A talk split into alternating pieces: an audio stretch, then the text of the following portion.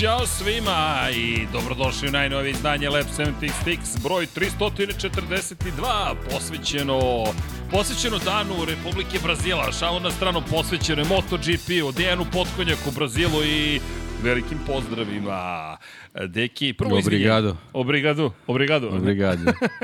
dakle, prvo izvinjenje za oni koji u direktnom prenosu, pre prenosu, koji direktno ovo posmatraju, s obzirom činjenicu da kasnimo, nećete mi verovati kada vam ovo kažem, ja ću verovatno jedini put u svom životu da kažem, ja nisam zakasnio.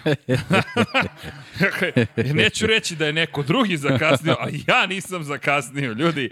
Nemoguće se desilo. Ja e, sada insistiram da kliknete like, jer ovo prvi put i poslednji put u istoriji. Pri čemu, pri čemu, Dejan je bio u misiji spašavanja. Dakle, bio je u humanitarnoj misiji nalaženja hrane za mene. Naručio je ćevape, evo iskreno, dobili smo um, pileći ražnjiće, ne pileće. znam, ne znam. Dobili smo pileći ražnjiće. Dobili smo, ne znam. Ali, ali, ali, ali smo malo kasnili, ne zamerite. Inače, doček košarkaša Pa, tu, je- tu je sve počelo Srbije. u stvari, pošto mi je auto bio da u garaži, odak nisam mogao da izađem, pošto su zagradili sve, ali dobro, pa je to Dobro si potrebalo. pozdravio košarkaša. Plus minus, nisu mi ih ni video, ja sam morao da krenem, ali ovaj, Ali dobro, bilo je zabavno. nema veze. Aplauz, aplauz, Aplauz. za košarkaše Srbije, za kogod da navijete, gde god da živite, koja god da je vaša nacionalna reprezentacija. Ovde se svi držimo zajedno i čestitke, zaista srebrna medalja. Da, bilo bi savršeno da je zlatna, ali nevažno je obezbeđen plasman olimpijske igre neočekivani rezultati za mnoge, osim moram da pohvalim samog sebe. Hvalite me usta, jel te? U 99 yardi rekao sam da osvajaju titulu posle onog čuvenog poraza od Italije. Ko se seća poraza od Italije? Dakle, samo polako, ti rani porazi ne moraju ništa da znače, kao što znaju obožavaoci Francesca Peka Banjaja. Ali pre nego što krenemo na tu priču da vam kažemo da se mazite i pazite, volite i oprostite nama što kasnimo. Ne zamerite, zaista se izvinjavamo. To Ma je zamerite, nije problem, ali šta da radimo, dešava. Šta da? Ali iskreno voleo bih više da vam kažem da smo zakasnili iz nekih drugih razloga. Jao, deki, šta imam za tebe? Aruba, Bahama, jao. Pre nego što počnem da pevam freestyle. Deki, htio sam ovo ti dam pre, ali pošto hoću da te obradujem sada, pošto si mi se iznervirao. Izvoli, deki. U, obrigado. A? Za one koji ne znaju, danas je... Samo da se, ček, ček, Eto malo, ga. ocijaj neki. Da, Evo dakle, ga. to je... Šta je to? To kako se to zove? Nije pin, pin, nego Pa, nije čio da e, nije... ovako. Značka. Značka. Značka Zamisli sa, značka. Značka sa zastavama Brazila i Srbije. Srbije bila je proslava u rezidenciji ambasadora Brazila, koji smo bili pozvani, ne znamo zašto, ali smo bili pozvani. Šalimo se, sarađujemo sa ambasadom Brazila, to su neke priče koje ćemo vam tek ispričati, ali koje se odvijaju u pozadini, nadamo se da ćete biti zadovoljni što radimo, ali činjenice da Deki kao veliki obožavalac Brazila, pa i mi tu spadamo i pa i ja i cela ekipa, ali Dejan je zaista po tom pitanju na nekom drugom nivou. Smo počastvovani bili, eto, dan proslave zapravo nezavisnosti Brazila i, i eto, bila je prilika da, da se pojemo tamo, bili smo u odelima, pa sad vi vidite koliko smo ozbiljno shvatili celu priču, dakle, smijali smo se sami sebi i, i posmatramo se i kao, ok, ispoštovali smo protokol, ali to nije glavna priča, naravno danas samo prosto, eto, zabavni moment neki koji smo zajedno imali, pa eto, deki, uspeo sam da se domognu značke. Hvala. Hvala. Sam, od zapravo konzula sam zamolio i rekao, izvinjam, ja si, pa ti znaš da ću ja da pitam. Ja rekao, izvinite, ali ja bi značku. I gospodin koji nam inače pruža podršku je rekao, pa naravno. Tako da, eto, deki, uživaj, uživajte, nadam se i vi, udrite like, udrite share, subscribe i sve ostalo. Imali smo jednog brazilskog vozača na stazi, ne jednog, dva, zapravo, s obzirom činjenicu da smo gledali i Erika Granada u akciji, nažalost ponovo izlete u Moto E klasi sa staze, ali okej. Okay. Ali sam se naježio kada intonirana brazilska himna, s obzirom na činjenicu da me nekako tako vratilo u Formulu 1 i različno, a, da, kad ćemo da čujemo mnogo više u Formulu 1 nego u Moto Grand Prix, ali eto, neka lepa okolnost i malo smo se zabavili. Tako da ne zamerite, ali ekipa, tako, svašta nešto radimo i nadam se da ćete biti zadovoljni, baš smo vredni.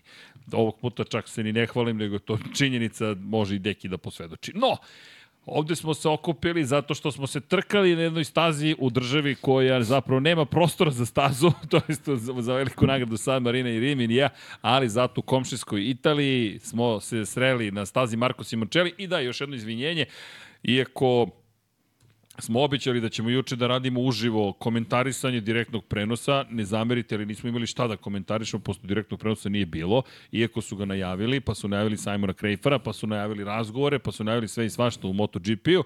Na kraju na društvenim mrežama smo uglavnom imali priliku da zvanično dobijemo neke podatke i informacije. Kamere su bile tamo, radile su, ali nije emitovano ništa, makar mi nismo mogli da dođemo do čak ni da pustimo nama na TV pa zajedno samo da pratimo, a nekako nije bilo mnogo smisla u tome da pratimo vremena, pošto ne znamo ko šta testira i koristi, pa smo se eto odlučili da danas zapravo posvetimo malo vremena i tim testovima u Mizanu.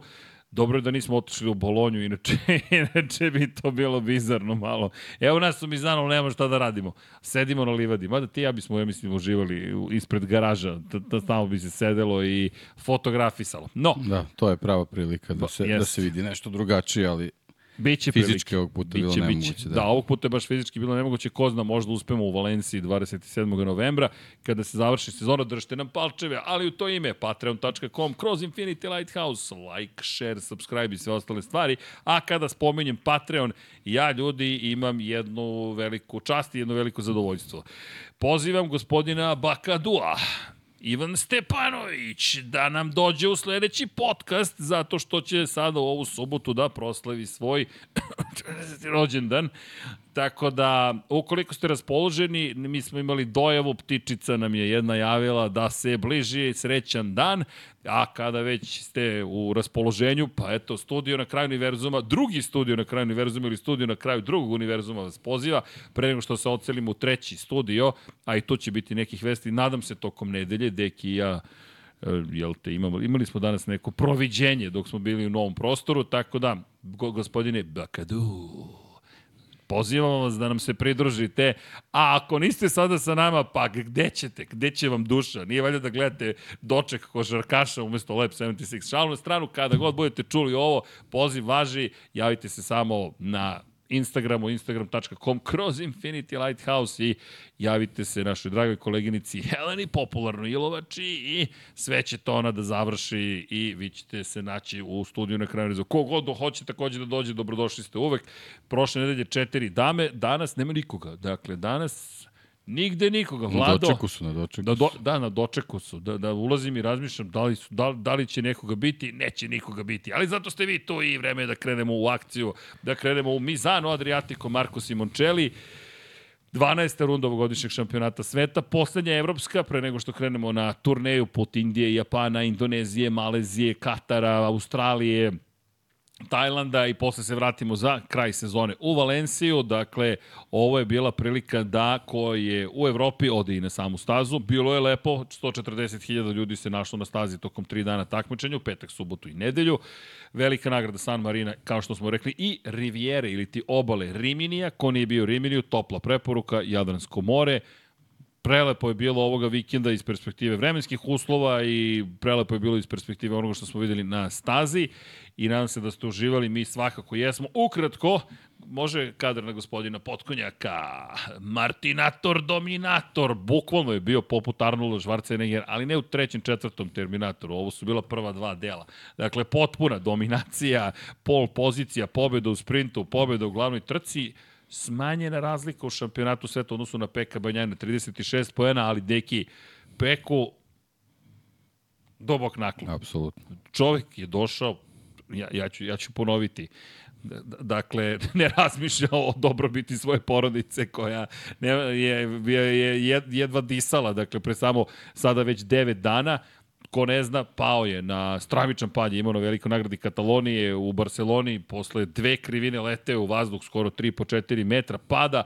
Brad Binder na KTM-u mu prelazi preko nogu, obe noge, vrti se kao čigra njegovo telo, mi slutimo najgore, nadamo se najboljem, dobijamo, neću reći baš najbolje, nije baš da je bilo bez posledica, ali dobijamo Peka koji izlazi iz bolnice to veče i kaže, uradit ćemo sve da se vidimo u Mizanu. Ne da je uradio sve da se vidimo u Mizanu, već je čovek startovao iz prvog startnog reda, bio na poziciji broj 2 na startu, završio je na poziciji broj 3 u sprintu, na poziciji broj 3 na velikoj nagradi, dakle u nedelju u glavnoj trci i ja nemam šta da kažem osim da je Peko jedan pravi kralj, to je, to je već kraljevska plava, trkačka krv, Dakle, nije pojenta samo kada je sve kako treba, već i kada su stvari baš loše, a jedva se kretao, sednete na motocikl, odvezete kako, kako je odvezao Peko i kažem, duboki naklon i treći heroj, iako Marko Beceki je odigrao svoju ulogu, takođe sa ozbiljnom povredom ruke i bio drugi i u sprintu i u glavnoj trci, ponovilo se, dakle, u prvoj i, i u drugoj trci, sve što, jednostavno,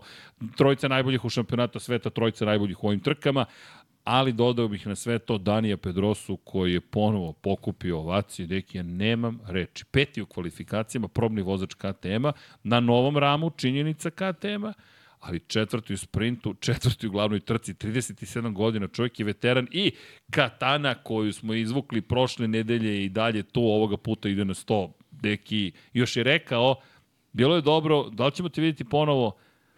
Pa nadam se nikada do sada nije izgovorio, nadam se da se vidimo ponovo, mislim da se samuraju dopalo kako je sekao tamo, kako je Frontle pravio, ali pričat ćemo o analizi šta se sve događalo, samo eto neki kratak zaključak, jedna mnogo zabavna prelepe trke, Pedro Acosta inače izdominirao u moto dvojkama i sada već ozbiljan kandidat za titulu šampiona sveta, David Alonso slavio u Moto3 klasi i dobili smo šampiona sveta Moto E kategorije, kao da nismo znali, Nikola Spinelli je odradio do, ne dovoljno dobar posao, savršen posao i zabeležio ne samo pobede, već i osvajanje krune, pogotovo što je to za Sita Ponsa koji se povlači sa pozicije šefa ekipe legendarni Sito Pons posle 40 godina, neće više biti u šampionatu sveta, ali šampion moto je klase njegov vozač u moto dvojkama bojim se da Aron Kane ni pobeda, teško da će biti pobeda, ali generalno jedan lep vikend. I Red Bullov Kup Novajlija spustio zavesu na sezonu,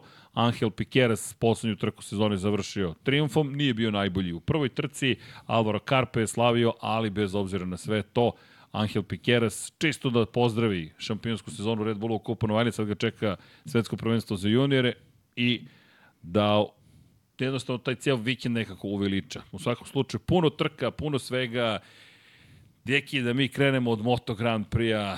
Martinator, dominator, bez obzira i na Peka, i na Marka, i na Danija, Martinator, dominator, ti si dao naslov, crki, ajde se malo igramo, ajde malo da, da se igramo.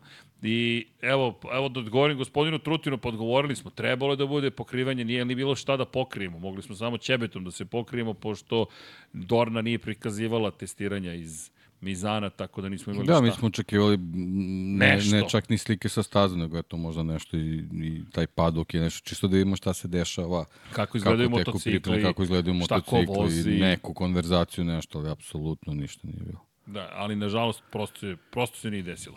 U svakom slučaju, kada govorimo o, o onome što nas se dočekalo, što smo mogli da ispratimo, kažem, izvinio se već na početku, izvinjam se još jednom, hteli smo da pokrijemo testo iz Mizana, ali ostane samo, kažem, ćebence. U svakom slučaju, da mi krenemo na Moto Grand Prix, deki, Martinator Dominator mora da bude prva osnovna priča u momentu kada, da, Peko Banja je je rovit, povređen, ali vozi. Ovo je prilika za Jorge Martina da smanje razliku u šampionatu sveta. I sada smo na 36 bodova za ostatka, to je manje od jednog trkačkog vikenda. 12 pojena dobijete za pobedu u sprintu, 25 za pobedu u glavnoj trci.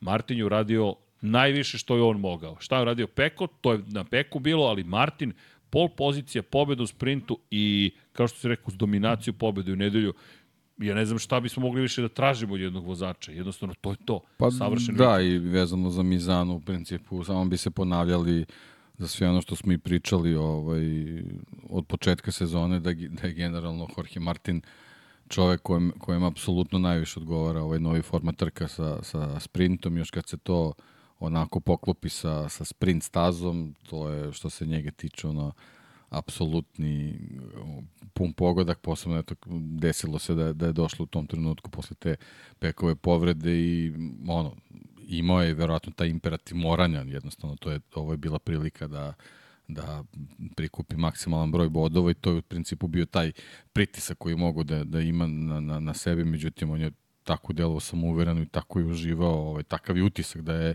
da je uživao od samog početka vikenda da jednostavno neki drugi epilog teško da je moglo da se očekuje bukvalno tačka na i je stavljena kada pogledaš ovom pobedu. Jednostavno sve što je uradio, uradio onako kako je trebalo da se uradi.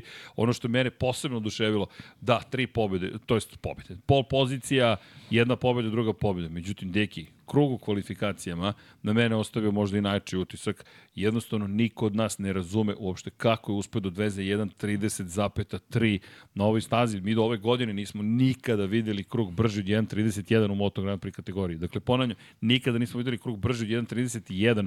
Mi sada dobijamo u subotu pre podne, Marka, generalno dobijamo u petak po podne zapravo, Marka Beceke koji vozi 1.30,7, Zatim dolazimo do toga da se vozi 1.30,8 u jutarnjim časovima i potom u kvalifikacijama, Džanki baš rekao 1.30,5 rekao, hm, raste temperatura, da li ćemo, šalio sam se. Bukvalno je čovek odvezao nešto što je za pamćenje i ko nije uspeo da pogleda taj krug, moja topla preporuka, učinite to. Nemam predstavu kako je uspeo to da izvede, pogotovo ne protiv Italijana. Da, bili su povređeni roviti, sve to stoji, ali opet nekako čekaš od ljudi koji žive manje više na toj stazi da, da ih niko ne ugrozi. Međutim, desilo se upravo da je ne bio savršen, već da je više od toga postigao, ja i dalje iskreno ti kažem ne razumem, ali eto, Jorge Martin, njegov vikend, njegova priča i na kraju 1.30,390, skoro 4 desetinke brže od drugoplasiranog Marka Becekija, pri čemu Banjaja, da, izvinjam se, Banjaja bio treći u kvalifikacijama, ima bolje startove, vozio je 1.38.26.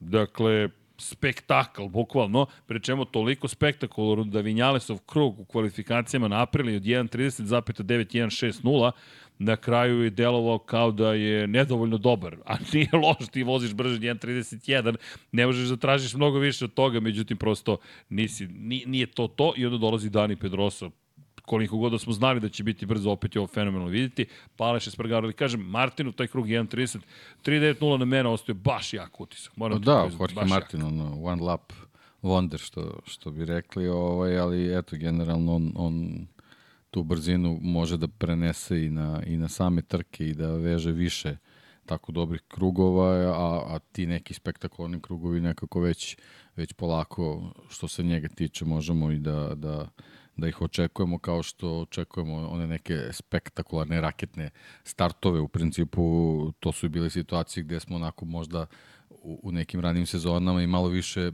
pažnju obratili, obratili na Jorge Martina. Tako da svi ti elementi se polako spajaju i ono što je za njega u ovom trenutku ovaj, najvažnija stvara, vidim da kroz intervjue da je on to potencijal. On jednostavno apsolutno nema nikakav imperativ da ove godine bude ovaj, uh, kandidat za šampionsku titulu. Niko, niko od njega to i ne očekuje.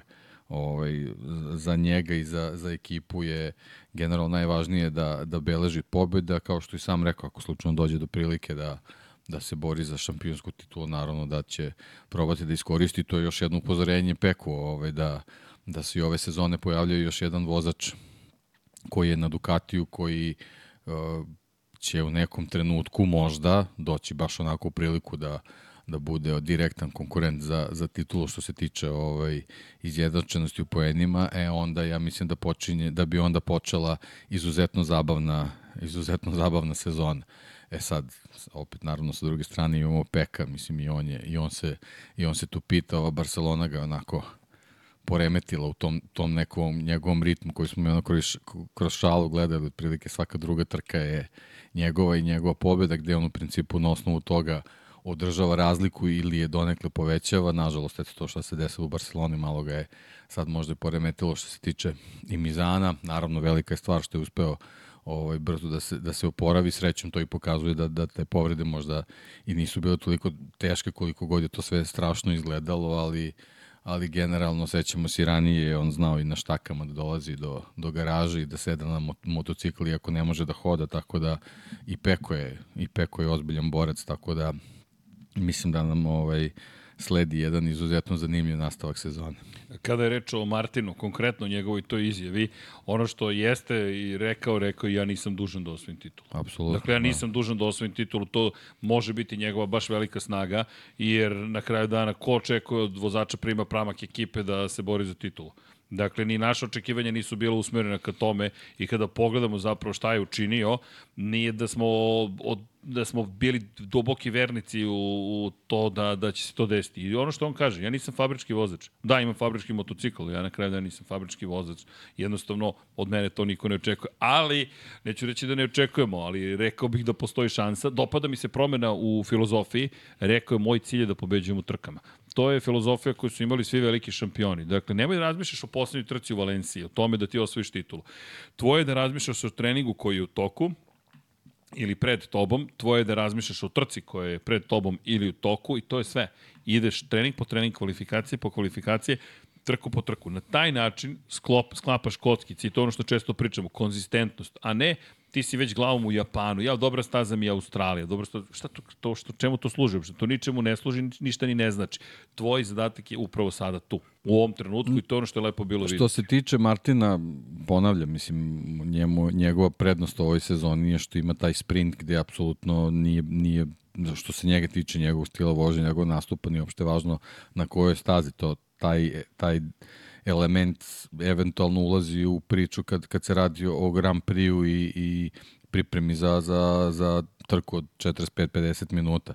Tako da što se tiče sprinta, Martin je apsolutno favorit na, na svakoj stazi i sa tim svojim fenomenalnim krugovima je, je to, to, što to, ti to i pokazao. E sad, vezano za, za, za to ovaj, kome neka staza leži, ne leži, sad dolazi taj jedan da kažemo, ovaj, neobičan moment sezone gde idemo na stazu koju ap apsolutno niko ne poznaje, tako da to može da bude ponovo ovaj, Jorge u ovaj, neki, neki dodatni plus, tako da možda već posle sledećeg vikenda bude interesantnija se, ovaj, situacija na, na ovaj u, u generalnom plasmanu, a opet sa druge strane možda ta staza bude savršeno peku odgovarala pa se ponovo vratimo u neki, neki ritam koji smo imali do sada.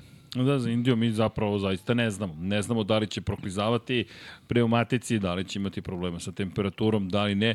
Mi smo dosta daleko sad od Indije u kontekstu toga da gledamo kakvi će biti vremenski uslovi, ali sledeće nedelje kada budemo najavljivati trku, time ćemo se dosta baviti. Mi idemo polako, ali sigurno ka sezoni monsuna manje više, zapravo. Sad, jedno je od sezona, ali ono što je bitno u celoj priči jeste zapravo e, tu stazu, ko, kao što si rekao, ko će naj... Ali, kažem, previše faktor, ajde da ne ponavljamo što, što si ti rekao. Samo mi je zanimljivo da vidimo i to ko će se najbolji, najbrže prilagoditi čekamo, jer ovo je sada veliko pitanje za šampione. Ok, Peko, ovo si uradio fenomenalno, ajde Martine, ti si ovo fenomenalno uradio, da vidimo gde se, šta se sad dalje dešava. Marko Becek inače u toj cijeloj priči, daleko toga da je bio loš. Marko je takođe uradio odličan da. posao, pogotovo za onu povredu. Znaš šta mi je fascinantno bilo po završetku trke kada su cool down sobi, jel te, u sobi za opuštanje, gde Peko zapravo mora da pomogne Marku da otvori flašicu, gde njemu Marko Beceki kaže, možeš da mi otvoriš flašicu? I, i ti, ja razmišljam, čekaj, ovaj čovjek je sada sišao s motocikla, vozio je preko 20 krugova u Mizanu i sve to odradio tom istom levom rukom i onda nema dovoljno snage u ruci da drži flašicu da, ili da uhvati čep da, da ga otkrene, I to su upravo ti ljudi, ali fenomenalno. A i to je bila zanimljiva interakcija. Ajde, pričamo, Marko Beceki koji Peku Banjaj kaže prljav si vozač i ne na šaljiv način, kao haha, ali nije haha.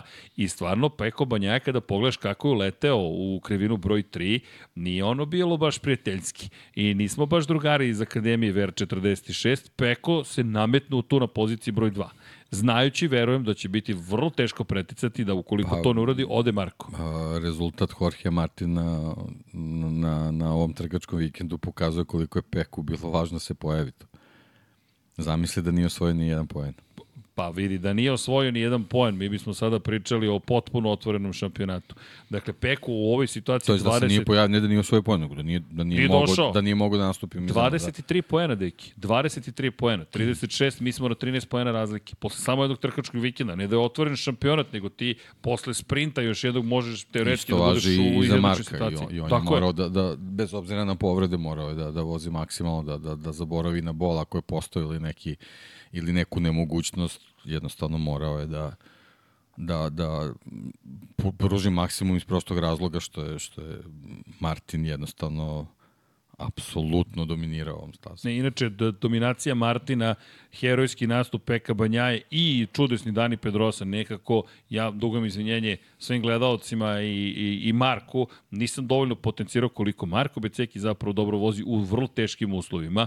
Nekako možda sam i očekivao od njega, ipak je Mizano, bukvalno njihova domaća staza, Valentino Rossi je ponovo bio tu šef ekipe, devetostruki šampion sveta, opet je privlačio pažnju, opet je kamera pratila šta radi Rossi, manje nego na Red Bull ringu, ali to je njihov dom, inače Valentino Rossi ko dobio ključeve tavulje, tako da sada ima i ključeve kao da ih nije imao.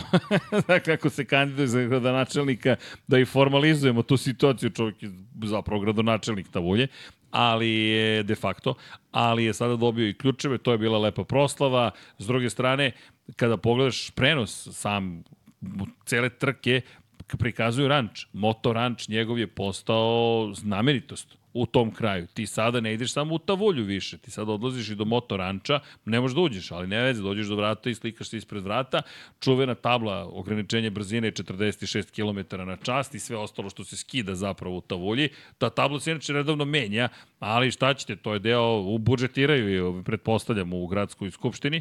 I u svakom slučaju opet je Rossi odvukao pažnju. Pa nekako možda su mi očekivanja bila zaista velika od Marka Beceke i od Luke Marinija. Luka Marini koja je to produžio ugovor, ostaje u VR46 ekipi, rođeni brat Valentina Rossi. Nekako sam verovao da će da je to podrazumevana stavka. Peko je ipak doživeo stravičan incident, stravičan zaista, pa ne zamerite malo pažnje otišao na tu stranu, ali čestitke 29 poena za Marka Becekija. Dva druga mesta, opet teško da možeš da tražiš nešto više, Martinator u svom filmu i onda dođu i Marko i Peko, baš baš dobra trka, ali negde pokazate koliko ti znači u Italiji da se trkaš. Dobro, znaš kako, bolje od ostalih i eto, nekog njih trojica su sad već to malo, to. malo ovaj, odvojili i ono, generalno sad, sad je prelomni moment sezone, ta, ta trka koja je nepoznanica svima, ako njih trojica ponovo budu ovaj, na, na ovakvom nivou otprilike ćemo već znati ovaj, koji vozači će, koji vozači će odlučivati u tituli. Deluje da posle pada Breda Bindera je situacija jasna. Moram da spomenem odmah Breda Bindera. Vidi, deki, Razumemo, u prvoj trci loše je startovao, pao je dok je preticao, dok je stigao do Danija Pedrose, peta pozicija, možda ni nije želeo previše da rizikuje završnici i završava iza Danija Pedrose na poziciji broj 5. Ti sad u glavnoj trci, si ispred Danija Pedrose, ti si, dakle, pretekao probnog vozača, ti se u poteri si za trećom pozicijom, ali ti praviš jednu prilično veliku grešku, rekao bih nedopustivo, ako već pričamo i o šampionatu i o KTM-u i celoj situaciji, ti si vozač broj 1, ti baš to ne treba da uradiš. Pogotovo ne u momentu kada Dani Pedrosa vozi ovako kako vozi. Ok, neće Dani Pedrosa nikome oduzeti tu poziciju, ali kada pogledamo pad da, Breda Bindera u tom trenutku, mislim da je tu zapravo i završila se njegova priča o pa borbi ne, za titulu. Ne samo to, mislim, to je, ajde, borba za titulu. Teoretski. Teoretska priča, ajde. ali generalno mislim da je za KTM moglo da bude prilično interesantno i veoma značajno da da je imao podatke, eto, saznali smo da, da je Dani u stvari vozio tu novu šasiju KTM-u, bilo bi jako interesantno da, da što se tiče veoma sličnih rezultata koji su postigli obojica vozača, da je Bred završio trku, to su stvarno mogla da budu dobra, dobra poređene koje bi u stvari uh, služili, služila kao, kao pravi parametri da se vidi u stvari u kom smeru dalje treba da se razvijaju te šasije što ovogodišnja, što, što ta za sledeću sezonu. Tako da i iz tog aspekta je ovaj, bilo prilično važno da, da Bred završi trku, a ne samo zbog toga da bi ostao u borbi za titul ako je, ako je bio u toj borbi. I pride pored sve, pa, ali pazi, dodao bih i tu priču o Daniju Pedrosi. Treba da pobediš Danija Pedrosa. Pa dobro, da, nije, nije to sad toliko bitno koliko je bitno da, da su ti laptopovi bili puni sa sa podacima do kraja trke. Mislim da, o, da je u ovom trenutku to mnogo važno. Ne, neće Dani Pedrosa nikome ugroziti mesto, niti bi u KTM-u popreko gledali Breda Bindera da, da ga je Dani ovaj pobedio. Jednostavno, ovo je, ovo je najnegativnija stvar koju je uradio. Jer, jer je tu jednostavno ih je ovaj uskratio za, za, za nekih koliko, deseta krugova podataka koji bi bili možda veoma važni u nekom, nekom daljem razvoju. Ne, ne sad, ne znam koliko spektakularni, ali, ali generalno bi značilo da imaš jednu trku ovaj, sa dva stanovišta, sa, sa dva stanovišta sagledanu, posebno što, zato što je Jack Miller pao, ali tome ćemo To je posebno. da, ali ajde, možemo odmah da, Da. samo ubacimo u priču da je Jack Miller imao incident, nažalost, da. u kojem, pa ajde, našao se. Prosto, Našao se, da, ali, ali često se nalazi iz prostog razloga što je na jako loše mesto u, u, u karavanu. I to se ponavlja. I to nije, nije samo njegova priča, to je recept svih vozača. Jednostavno moraš da budeš napred da bi, da bi izbjegavao takve situacije, a izgovora je sve manje iz prostog razloga što su tvoje timske kolege uvek u nekom, u nekom gornjem delu ovaj, karavana, a da ne pričamo kad se pojavi test vozač, pa jednostavno izdominira u odnosu na tebe. I to ozbiljno izdominira. Dakle, čak mu, čak mu nisi ni bio blizu, a ne nešto drugo. Da. Pritom Pri... ne verujem da je u, u, u izdanju Danija Pedrose 100% ovaj ulogu imala nova šasija. Pa rekao bih da nije, Deki. Da. Iskreno rekao bih da nije.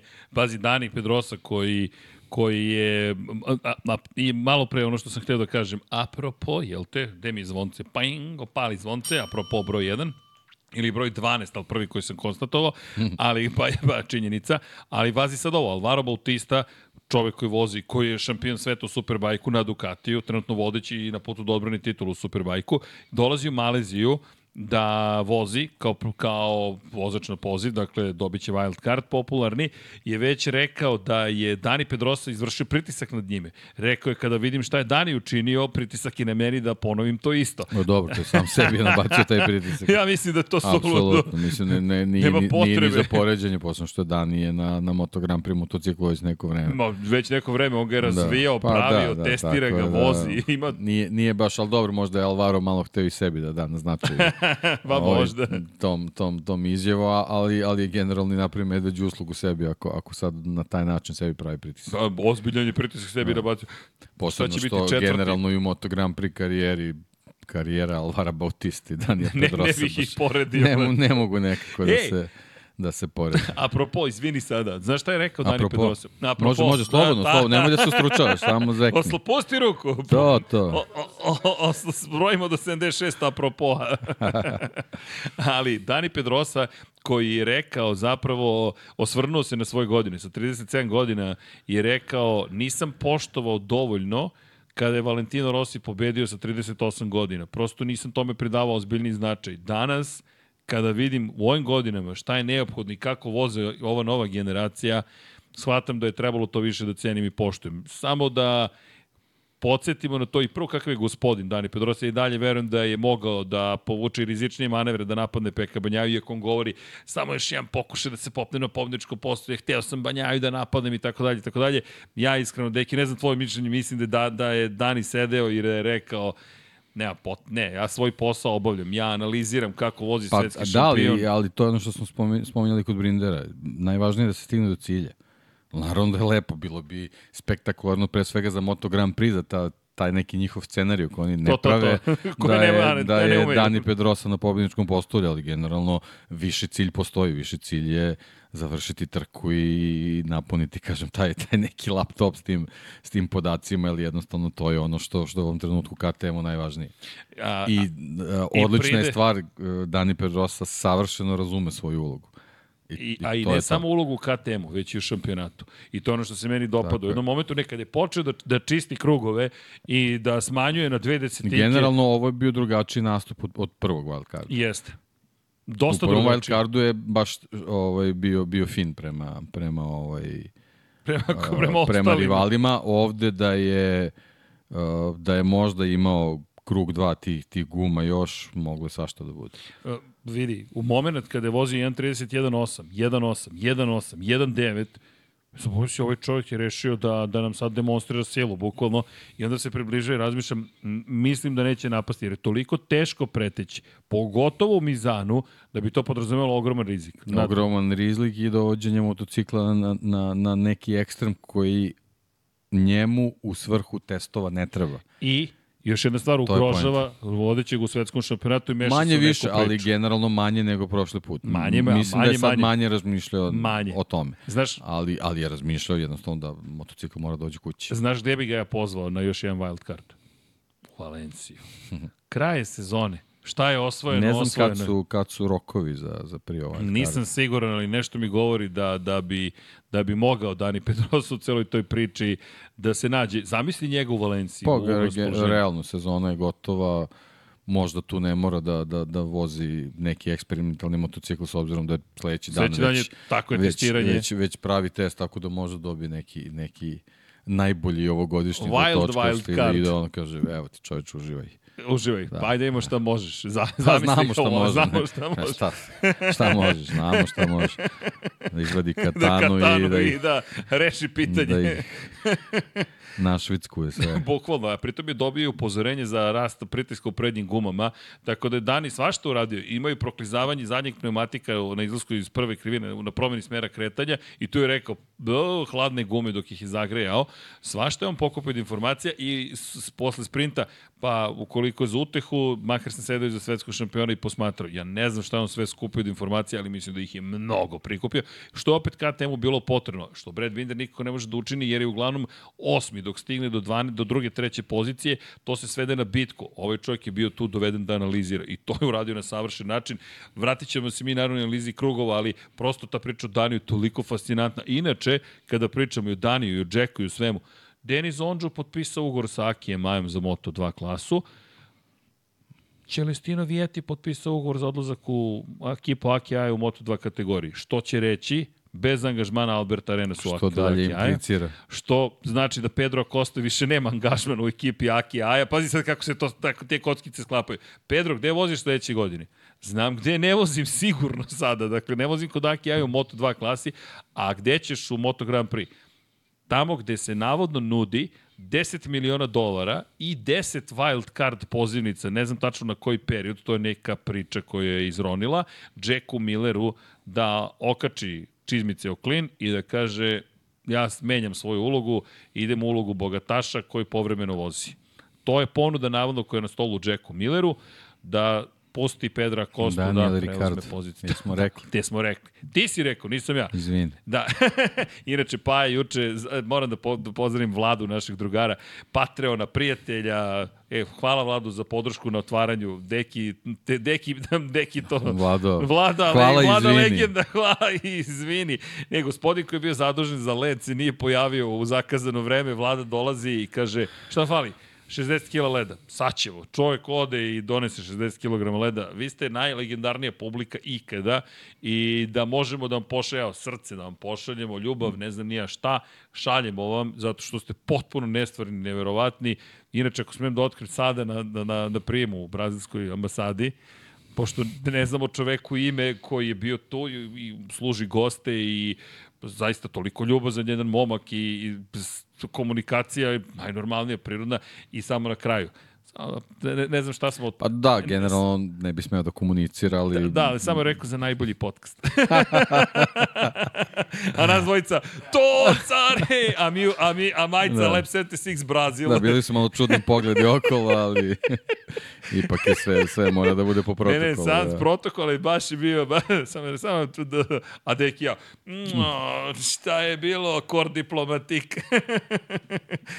Ali dobro, de, deki nije htio da rizikuje. Gde je vama sam- piće? Gde je vama piće? Gde je vama kajpirinja? Ups, ups. ne, pošto ja pitao za kajpirinju do pet puta, otprilike nikako nema kajpirinje, na kraju stiže kajpirinja i kao, tako da je lep moment. Elem, da se vratimo na Jacka Millera, Juče je Paja, šta zašto sam spomenuo Vladu, pa smo došli do Kajpirinje, je zove danas, kaže, provalio sam zapravo Paja. Pa je razočaran Ricardom, on nije, on, nije, on ni- nije da ne podnosi Ricarda. Ja kažem, tako je vladao, tako je, jer je sinoć rekao u jednom trenutku, pa kaže, ljudi, objašnjavaju tu celu situaciju sa Ricardom i to je to, to nije netrpeljivost prema Danielu, već od njega smo očekivali da bude lider, da ode i da kaže, ej, ovo Renault je moja ekipa, a on je došao i rekao, e, e, stigla bolja druga ponuda, aj čao. Ne možeš tako, ti si nam rekao da ćeš da budeš Pierre vođa. Gasly. ne, ali to je, to je problem. Po tome će Ti ga si- pamtiti. Da, bukvalno, ti si rekao da ćeš ti da vodiš tu ekipu. Ti si doveden u fabriku, predstavljen si svima, svim inženjerima, mehaničarima, svima, cela firma, s njih 1400 na tvojim leđima su nade. Da se razumemo to u Formuli 1 kada kažu vodeći vozač. Pa nije, onda vozi samo za sebe. Svih tih 1400 ljudi zavisi od tog čoveka. Pritisak. Hoćete pritisak? Eto vam pritisak. Ricardo je došao i rekao, ja ću da vas pa ne, evo, vraćamo se, evo ti Dani eto, Pedrosa. Evo ti Dani Pedrosa, bukvalno. On je taj koji čupa KTM. Znači, ne može niko da kaže da je konstantno na tom motociklu. Znači, postoji pauza. I on sedne i bori se za, za podijum. Ne može, naravno, Daniel Ricardo se bori za podijum u Alfa Tauri, ali, ali njegov nastup u, u, u, u, u, ovaj, u tom timu, u, u tom automobilu automatski mora da bude primetan. Tako je. To je to, ti donosiš razliku. Odmah mora da bude Odmah, primetan. to je ono što je Paja rekao. Yuki Tsunoda ne može da postoji pored tebe. To mora da bude Daniel Ricardo. U ovom slučaju, dakle, vraćamo se na Jacka Millera. Miller je došao, sam bio skeptičan, ali mislim da ne može da podnese ovu situaciju. Jednostavno, pritisak je ogroman, ti vidiš po njegovim Pa znam, ali znaš kako, ispada u svakom timu je neki pritisak. Pa, ali deki, to je Moto Grand Prix. Pa to je onda tvoja slabost. Znači, Tako je. Jednostavno ne, nemaš mesta tu. I koliko god da volim Jacka Miller i volim sve što radi, u ovom trenutku Jack Miller, ja ne znam kako može da, da, da, da, da izdrži. Pa ja znam pritisku. kako.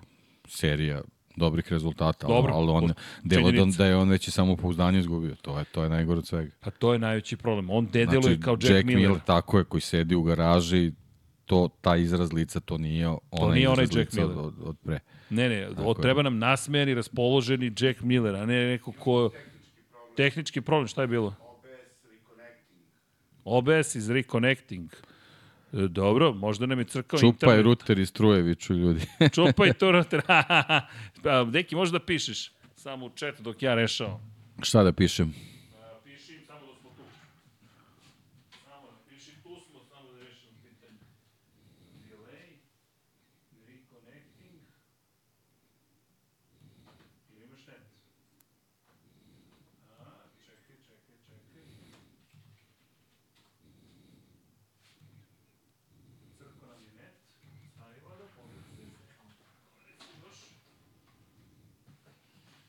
Vlado moj, nemoj ništa da brineš. Puška je zakočena. Sad će tebe čika srđe da vrati. Ajde, probamo sada. Da vidimo da li smo živi. Ili imamo net? O, ne radi ni meni net, kao net. Da, ne mogu, ne mogu da ukucam ništa.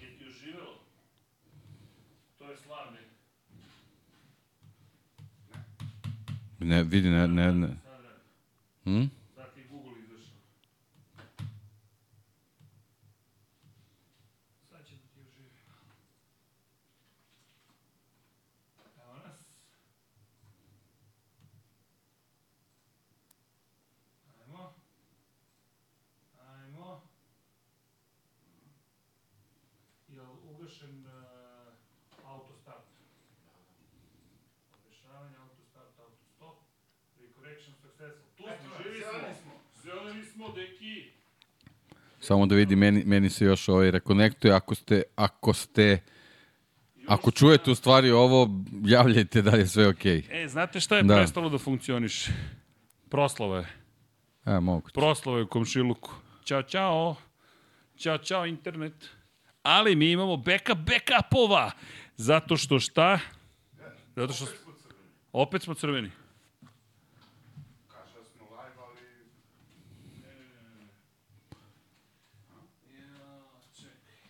Sve je u redu. Sad smo ponovo. Vlado, Vlado, samo ti cepaj. Sad se drži i moli Boga da radi. Ajme, nastavi. Cepaj, neki.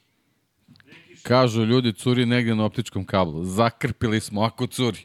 Ako Ali kucajte, evo, Sova kaže vratio se, dobro je, super. Ja Da, da. nisam, inače nisam mogao da vam otkucam ni poruku na četu, znači, apsolutno Ne, ne, internet stao. Toliko Da. ljudi verovatno Moguće, da je moguće, sve... da, da. Sad su selfie, sad je Ovo je ludilo, backup idemo. backupova. Da. Znaš šta smo, Vlado, sad izvukli? Ti čak ni ne znaš čemu služi ta crna kutijica dole, koja ima beli kabel, ali oni koji su preživeli koronu, bukvalno time i ne mislim na loš način, inače nadam se da, da, da niko nije imao baš te tužne, ružne situacije s koronom, nažalost, mi jesmo, ali taj period iz ove poslovne perspektive, poslovne perspektive, streamerske perspektive, svašta smo, od čega smo sve nagledali. Jel ti žuti, crveni, zeleni? A? Crveni povremeno, a? To znaš zašto? Zato A, što... za sad se niko ne želi, tako da ajmo mi da cepamo, pa, Cepamo mi pa Vlado, da vidimo pa šta će biti. znaš kako, Da. drž se toga, jer smo sada, otišli smo na 2K 60 frejmova u sekundi, onda kad to padne, ovaj, ovaj, ovaj, moram da ih pohvalim, Jetelov rezervni ruter radi, ljudi. Pozdrav za ekipu iz Jetela, evo vam besplatna reklama. I, I tako.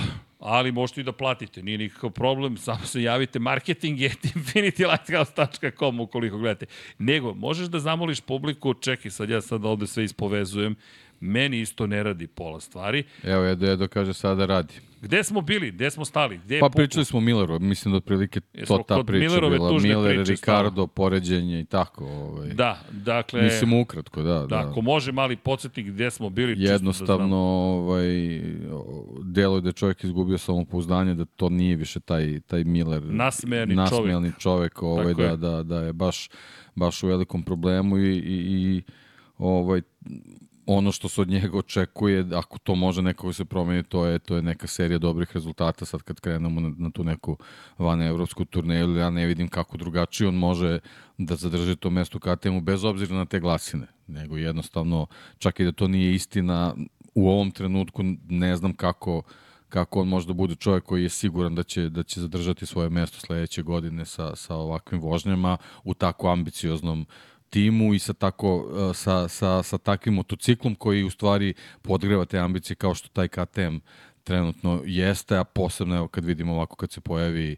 test vozač koji, ajde, jeste on legendarni vozač i sve to, ali ako se neko pojavi sa, sa nečim što je potpuno novo, pričat ćemo kako izgledaju izdanja u drugim ekipama novih motocikala, onda, onda stvarno ti jednostavno nemaš apsolutno nikakav izgovor za, za, za te tvoje loše, loše rezultate. Ne, ne, ali ono što je šteta, šteta je što, što mi zapravo imamo čoveka koji je toliko drag, brz, sposoban, ali jednostavno kada govorimo o, o kada govorimo o KTM-u, KTM je baš težak po tom pitanju. Ne, Ducati je nežniji, koliko god da na kraju se završava time, ako ne donosiš rezultate, ne možeš ovde da ostaneš. Kod KTM-a, jel nalaziš sličnost sa Red Bullom?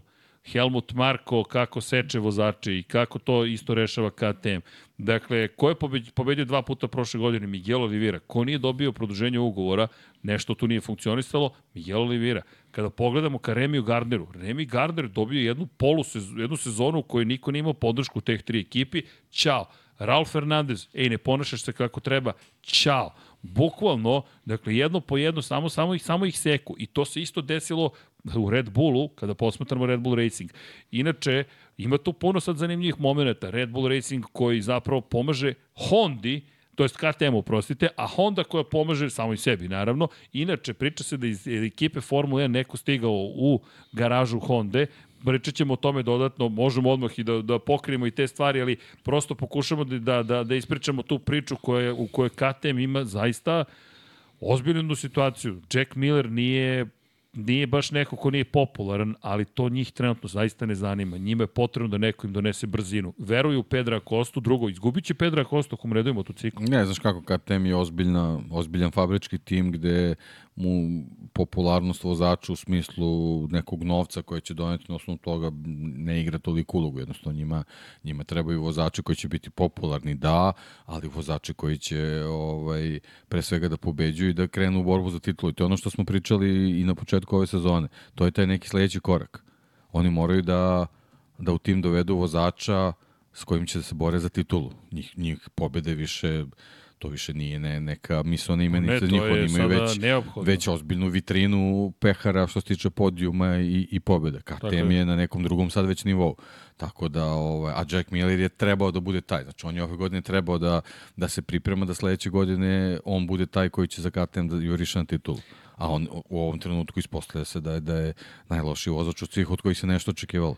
I inače, kada pričamo o KTM, Augusto Fernandez prvi put ove sezone da nije osvojio poene u nedeljnoj trci, dobro i to je moralo da se desi, ali eto i taj niz je presečen, dakle posle 11 trka među osvajačima poena, ovoga puta to nije uspeo i Pole Espargaro. Izvini, imamo tu i priču o Pole Espargaro. Pole Espargaro našao je brzinu, ali isto tako je počeo opet da preteruje u tome. Ovo je sada već vikend u kojem se greške konstantno ponavljaju. Nismo imali u Barceloni Pole Espargara koji malo, malo pa izleti, malo, malo pa izleti, malo, malo pa izleti leti. Sada imamo Pola Espargara koji isto Pa čini. vidi, jedno, jednostavno je uraditi neku analizu tih KTM-ih vozača. Znači, apsolutno prvi bez premca je Brad Binder. Nema šta, dešavaju se ovakve greške, ali okej. Okay.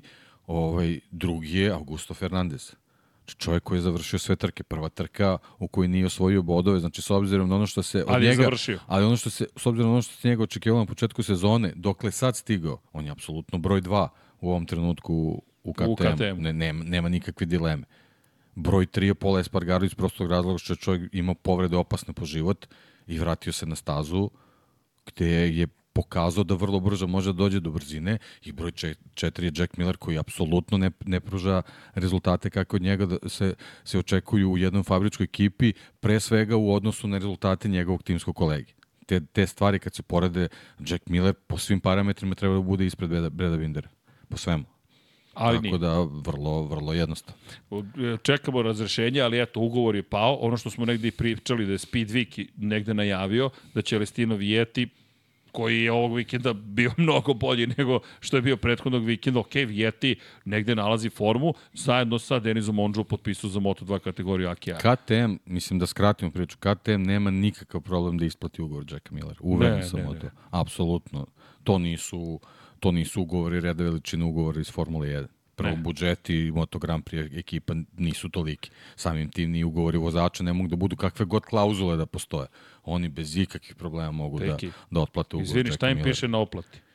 Piše Red Bull. E, Veza sa Red Bullom je apsolutno. Evo sada egzibicijona, to smo juče pričali, ajde da pohvalimo Danija Pedrosu još jednom. Egzibicijona trka na ne znam koliko, na kojoj razdaljeni, pravolinijska, da kažemo, drag trka. Imate bolid Formula 1, imate motocikl iz Moto Grand Prix-a, imate vozilo iz svetskog šampionata u reliju i iz šampionata sveta u reli krosu i na kraju super kombi električni. Sve to promocije zapravo Red Bulla. Ko se tu pojavljuje? Pojavljuje se Red Bull Racing, pojavljuje se Dani Pedrosa na KTM-u. Dakle, mi govorimo o tome da je to deo cele jedne porodice. Red Bull takođe stoji ozbiljno za tog projekta. I sad zamislite samo na marketinškom nivou da Red Bull objedini titule u Formuli 1 i Moto Grand Prix i da imaš šampiona uz Maxa Verstappena, kogod da ti je tamo, i da ga spojiš ovako i kažeš, ej, mi smo Ne, ali, pokorili ali pa vidi, to, to ti i, i kompletan presek trenutne situacije u KTM-u vezano za te zvezde vozače. Znači njima je trenutno najveća zvezda u ekipi Dani Pedrosa, bez premca. Ako Red Bull zove nekog za neku promociju, potreban je superstar, dolazi Mark Marquez. Niko iz KTM-a ne dolazi. I to je, to je pre svega njima otrežnjenje da su stvari tu samo vojnici koji su u ovom trenutku potrebni timu za ostvarenje njihovih viših Konačnog ciljeva. cilja.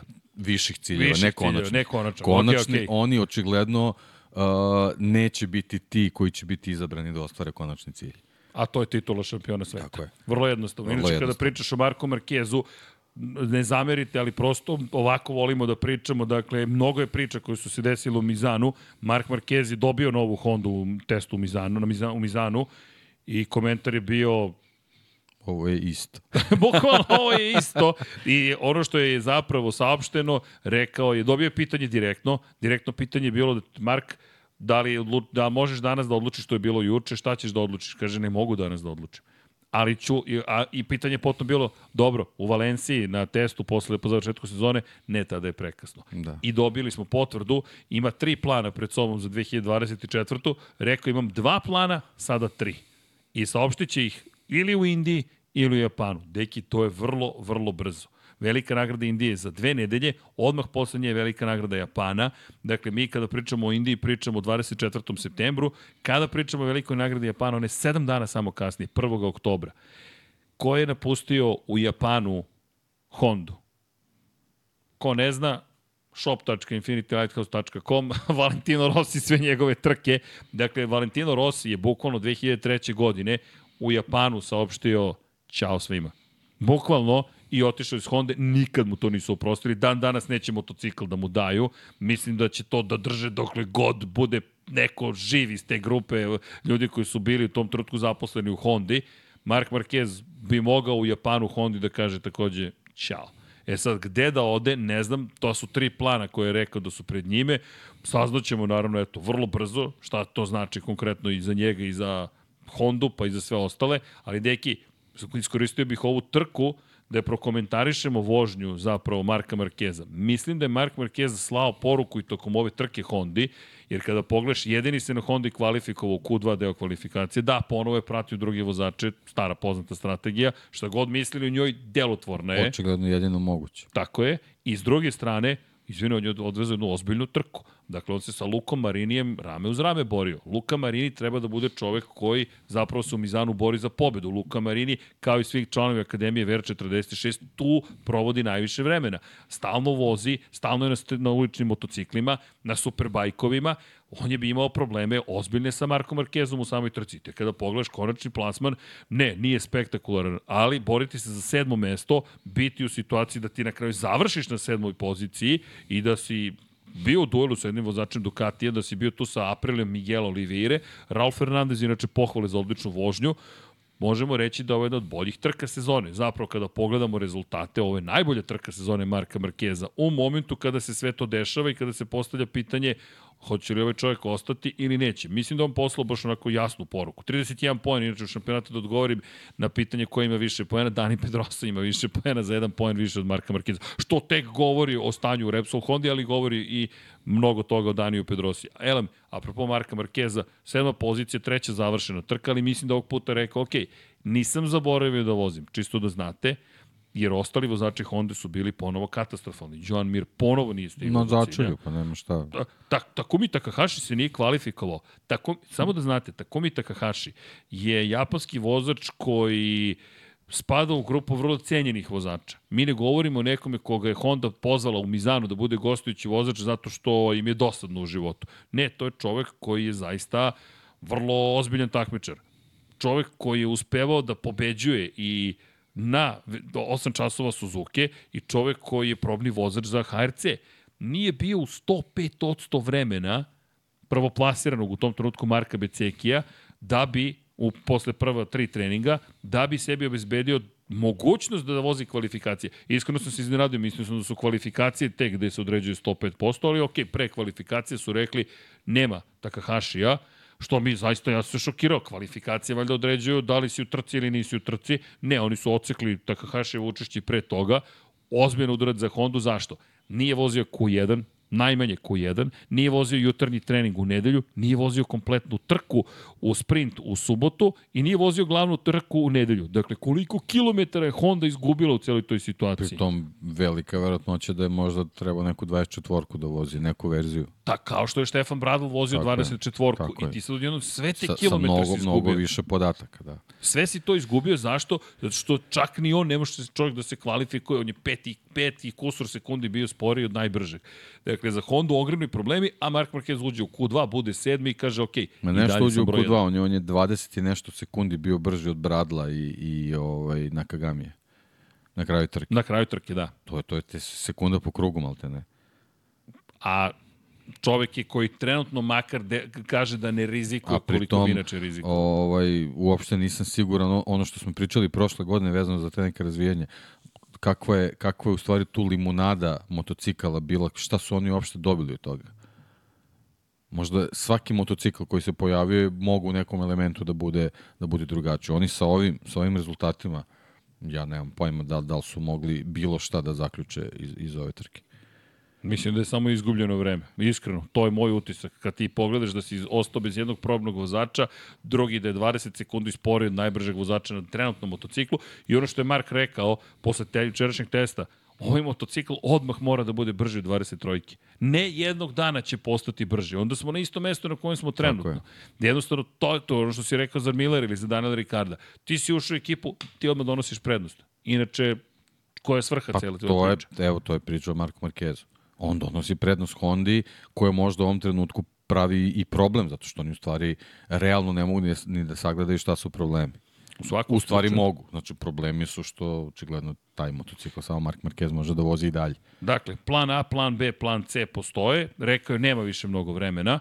Rekao je samo dvoje ljudi ili troje oko mene najbližih zna, ne, jedan ili dvoje ljudi zna zapravo moje planove i koje su mi opcije i to je to. Inače, baš se trolovao u četvrtak kako se stvari dešavaju, sve sa nekim alkoholom, onda je Honda tweetovala stvari se dešavaju.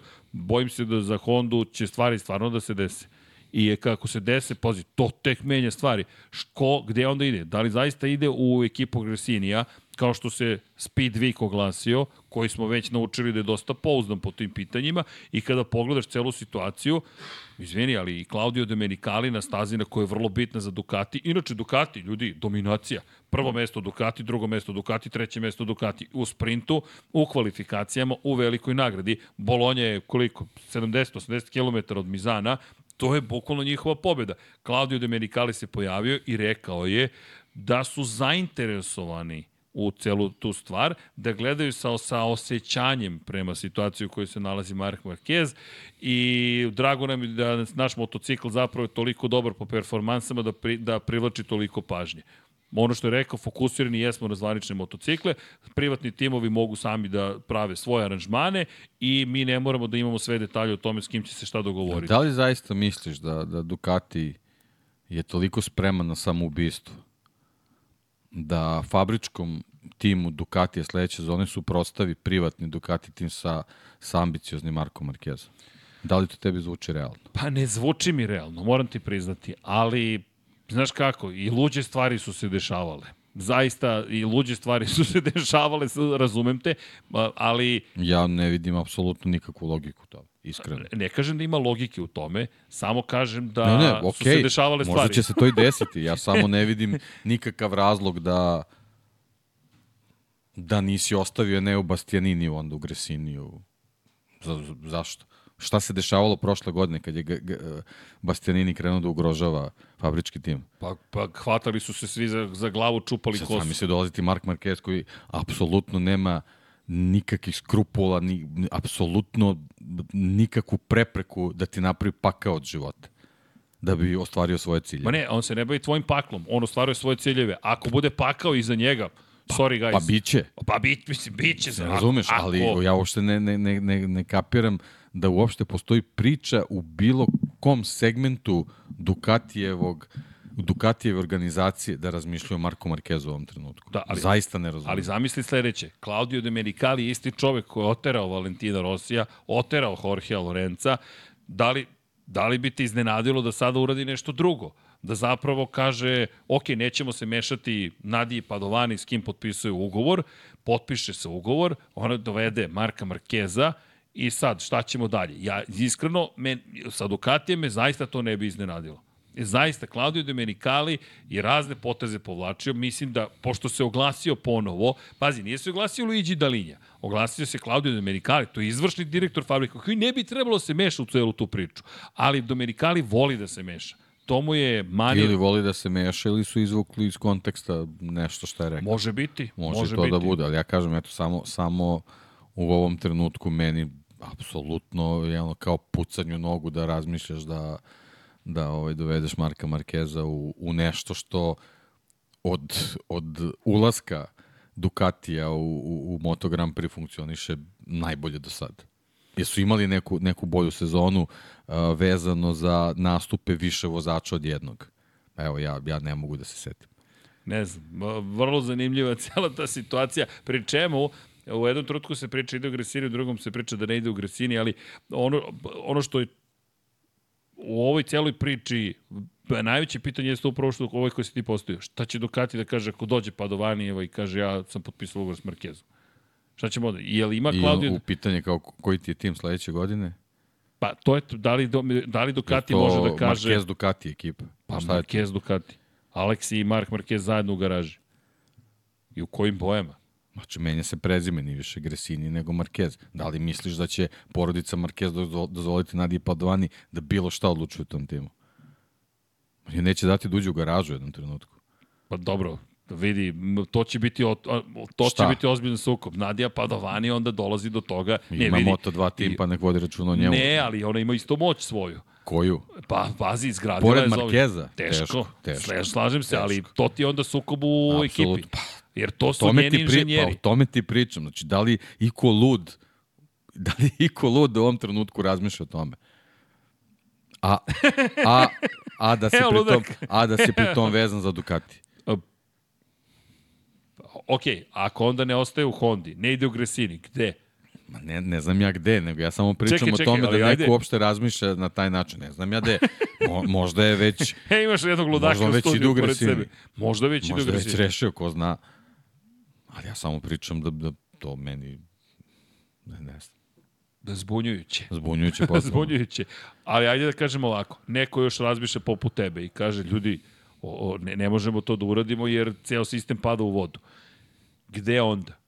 Yamaha je popunjena, ne kažem da bih hteo da ide u Yamahu. Inače, Fabio Quartararo je posle testiranja rekao, hoćemo je ponovo. Hoćemo ponovo. E, Fabio Quartararo je posle testiranja nove Yamahe rekao, pa ovo je isto. Dakle, ljudi, mi imamo iste izjave. Dakle, ovo je sve isto. I rekao, oček... ne, očekivao sam više od novog motora. Šta si tačno očekivao, Fabio? Dakle, ovo se sve vrti u krug i vrti u krug i vrti u krug. Ja zaista mislim da smo u lošem nekom filmu kada reči o Hondi i Yamahi. Honda koja dovodi neke nove ljude ima iste rezultate. Yamaha koja ne dovodi nove ljude ima iste rezultate. I Fabio Quartararo koji od tre, treninga do treninga, vikenda do vikenda, od testa do testa ponavlja, očekujem više od novog motora. Da li se sećaš, evo, Lab 76 broj 5, šta je izjavio Maverick Vinales za Lab 76 broj 5? Ko ne zna, neka pogleda, ljudi. To je bukvalno 2020. godina. Sezona nije počela, Maverick Vinales izjavljuje, imamo jači motor, bolji smo na pravcu, sada možemo lakše da pratimo i e, vrlo smo optimistični.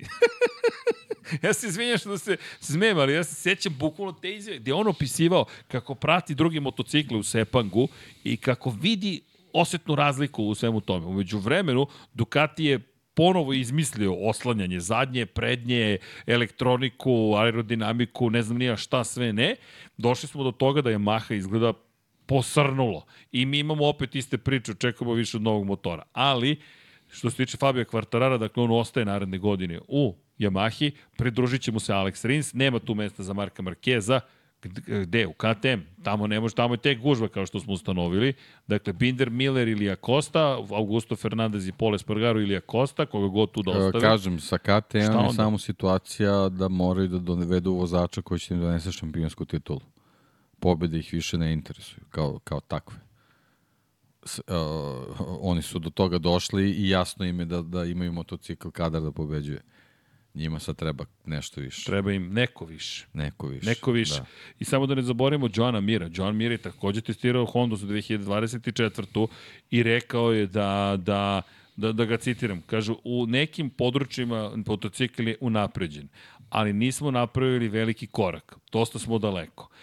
Ali ukoliko ali mogu da osetim neki napredak, pogotovo sa korišćenom gumom i mogao sam budem konzistentniji na samom motociklu, iako je ovo samo prvi test. Dakle, možemo da vidimo nove stvari.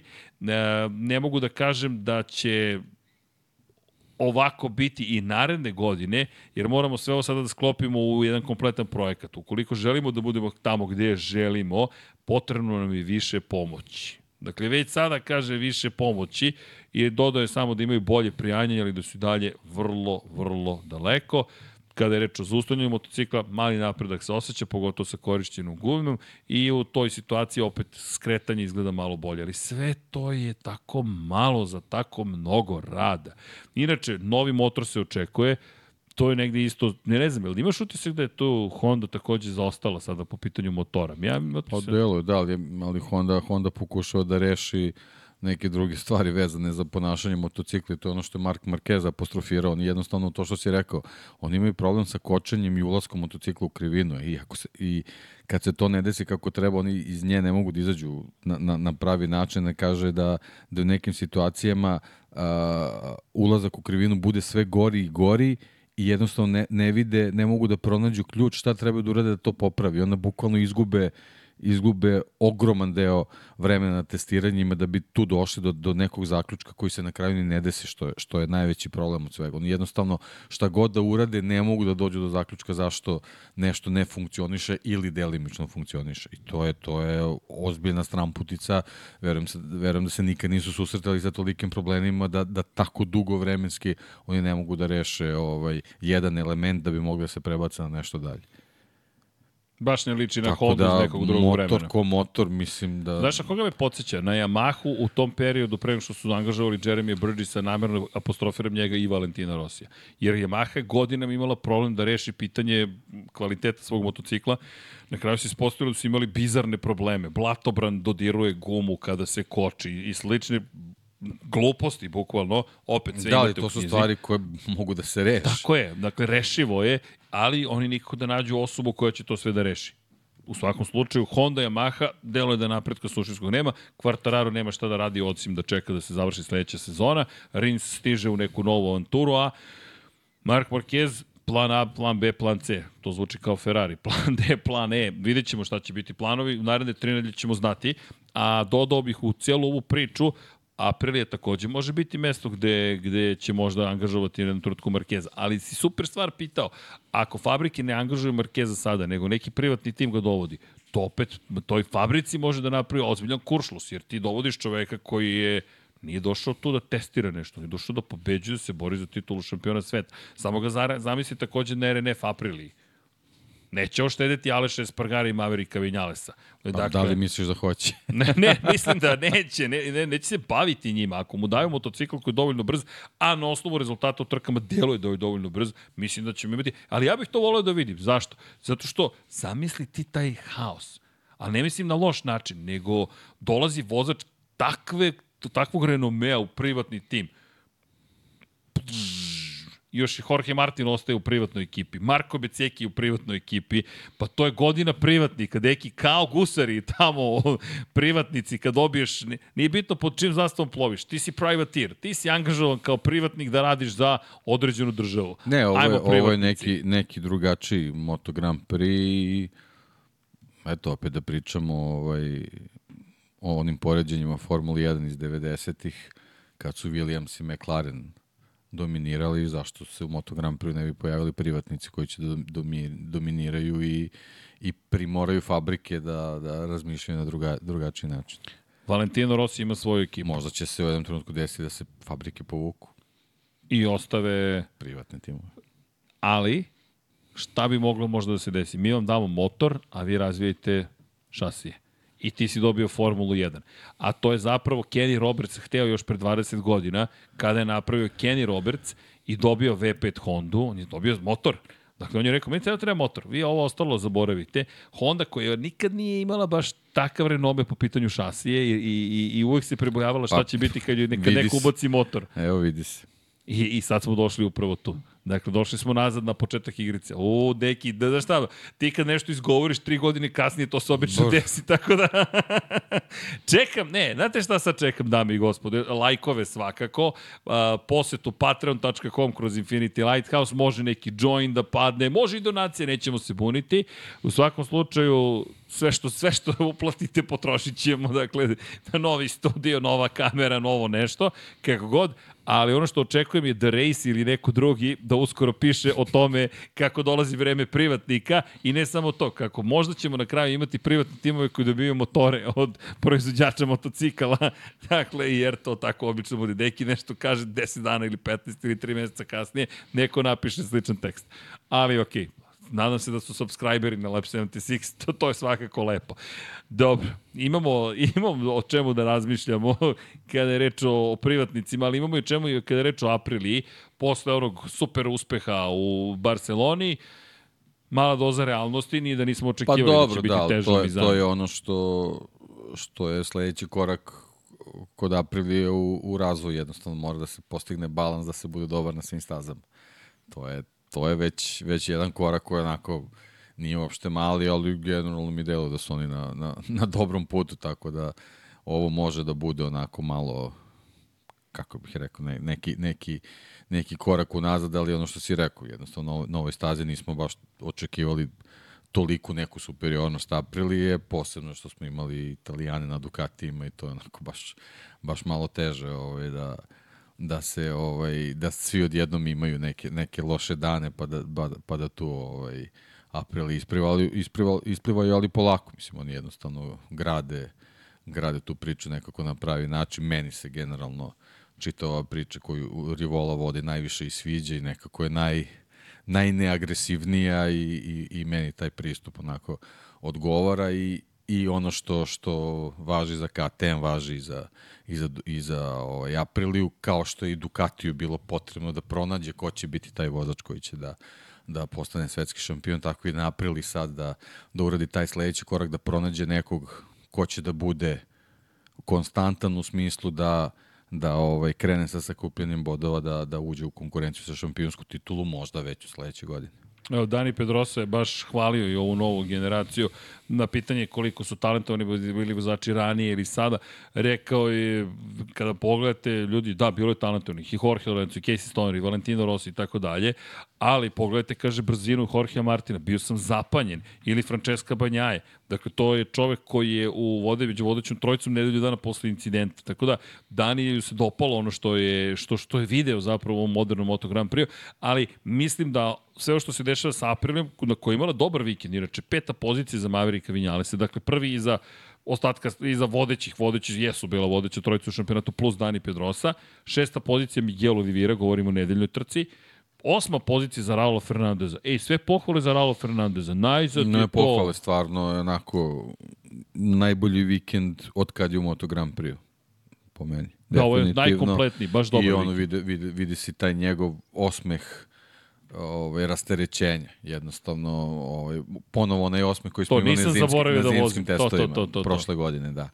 Tako da ovaj, nadam se da, da, da ovo što se njega tiče taj neki prelomni moment, ono, znam, ti si u prenosu rekao staza koja ga je ovaj, Da, skupo košta, ali, ali on do tog pada, on je tom stazom dominirao. Jeste, Stvarno je bio, baš je bio znači, njemu, njemu leži, leži mu ovaj, Mizano i nadam se da, da ovaj, kao što je to neki vozači gube u ovim trenucima samopouzdanja, nadam se da je njemu sad onako ne poraslo, nego se jednostavno vratilo tamo gde treba da bude i evo, ide na stazu gde su svi isti. U prvom treningu su svi isti, pa eto da vidimo, da vidimo gde će ko da bude. i taj popodnevni, pogotovo u petak, popodne Samo vreme da nas vremenu. posluži, to je, to je sad, sa- ali dobro, što kažeš, još je rano da pričamo Rano. o tome, samo da, da, da dobijemo idealne uslove da bismo mogli u stvari da vidimo kako se ko prilagođava novoj stazi. Ne vidi, ja zaista mislim da će tamo biti puno pro... Ja mislim tamo Aprilije može doći do izraza zašto. Očekujem prljavu stazu, sećam se Formula 1, koliko god da je čisto, očekujem prljavu stazu, jednostavno ne koristi se toliko i s druge perspektive očekujem da vremenski uslovi budu takvi da vlaž, vlažnost vazduha bude visoka, temperatura da bude visoka, da tu zapravo bude problema za, za sve timove poput Yamahe koji pate u tim uslovima, a Aprilia kada je nizak nivo prijanjanja tu nekako dođe do izražaja. U svakom slučaju za Aprilia nije ovo loš rezultat, samo da to konstatujemo, ali ajde sačekamo da vidimo šta nas to čeka i što ti kažeš, ajde za Raula Fernandeza baš lepa prilika, jer on nije debitant. Ovo je njegova druga sezona u šampionatu sveta, prva na Aprilia, ali to više nema, tu ne može da bude izgovor. Jednostavno, njegovo vreme je da sada pokaže to što,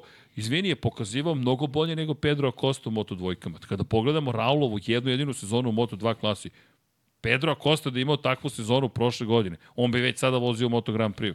Dakle, Raul Fernandez je u Moto 2 klasi imao sezonu bolju nego Pedro Acosta u Moto trojkama iako nije postao šampion. Što opet govori o Remiju Gardneru nešto. Koliko se Remi te godine potrudio da bude prvak sveta.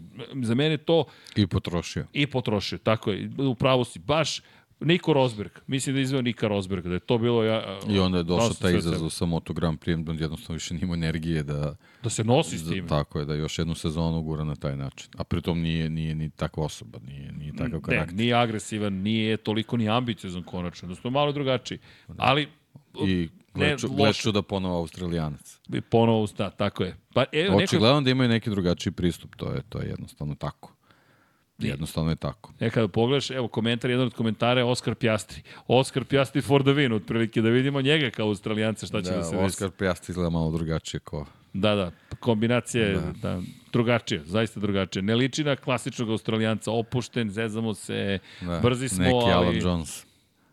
Mm, dobro poređenje, dobro poređenje. U svakom slučaju, Raul Fernandez top trka, pohvale sve, ocena, uu, ovako, što bi rekli mladi Topić. Ali zaista, Raul Pa, Fernandez... 3. april je od 4. Treće od četiri. Jedino je Aleš posrnuo malo. malo Pa dobro, on je malo. emotivno se ispraznio Da, prošle malo. nedelje, bilo je teško To da se to podigne ponovo, treba sad, znaš, posle svega onoga što se dešavalo, da ti se spremiš, za, za tri dana da se spremiš za nova tri dana. To je, čak i ako si ultramaratonac biciklista kao Aleš, mislim da, da je bilo baš teško da se vrati tonus ponovo. Ali to je tako Aleš. to je Da, tako, bukvalno da. Aleš. To je Pa čista to je emocija to, srca. to, ali ne, ali to je opet ta priča. Da li je sposoban za šampionsku titulu? Ne. Da, za velike radosti. Da, sad je, da sad je, dan. sad, Da. sad sve oči što se tiče Aprilije kreću ka Maveriku Vinjalesu i sad ćemo da vidimo Da li je Top Gun? da li je. Da li je, Da li Top, je Gun? Top Gun, da. da li se vraća u igru? Da li će da pobedi Icemane? Mislim, definitivno je ono, odavno nije bio ovako zadovoljan i srećan. A Da, stalno je nasmejan. Samo, samo da vidim. Po, pozi, peti je se- sad bio. Vidi, Vidi. peti, je. šesti, drugi, peti. Ok, to je to. I u sprintevima je sve bolji i bolji, završava ih, osvaja poene. Šta god da se desi, on Pa je ne, nekako deluje, tu. deluje recimo da radi na tom startu i stvarno deluje, deluje, se- deluje da se trudi.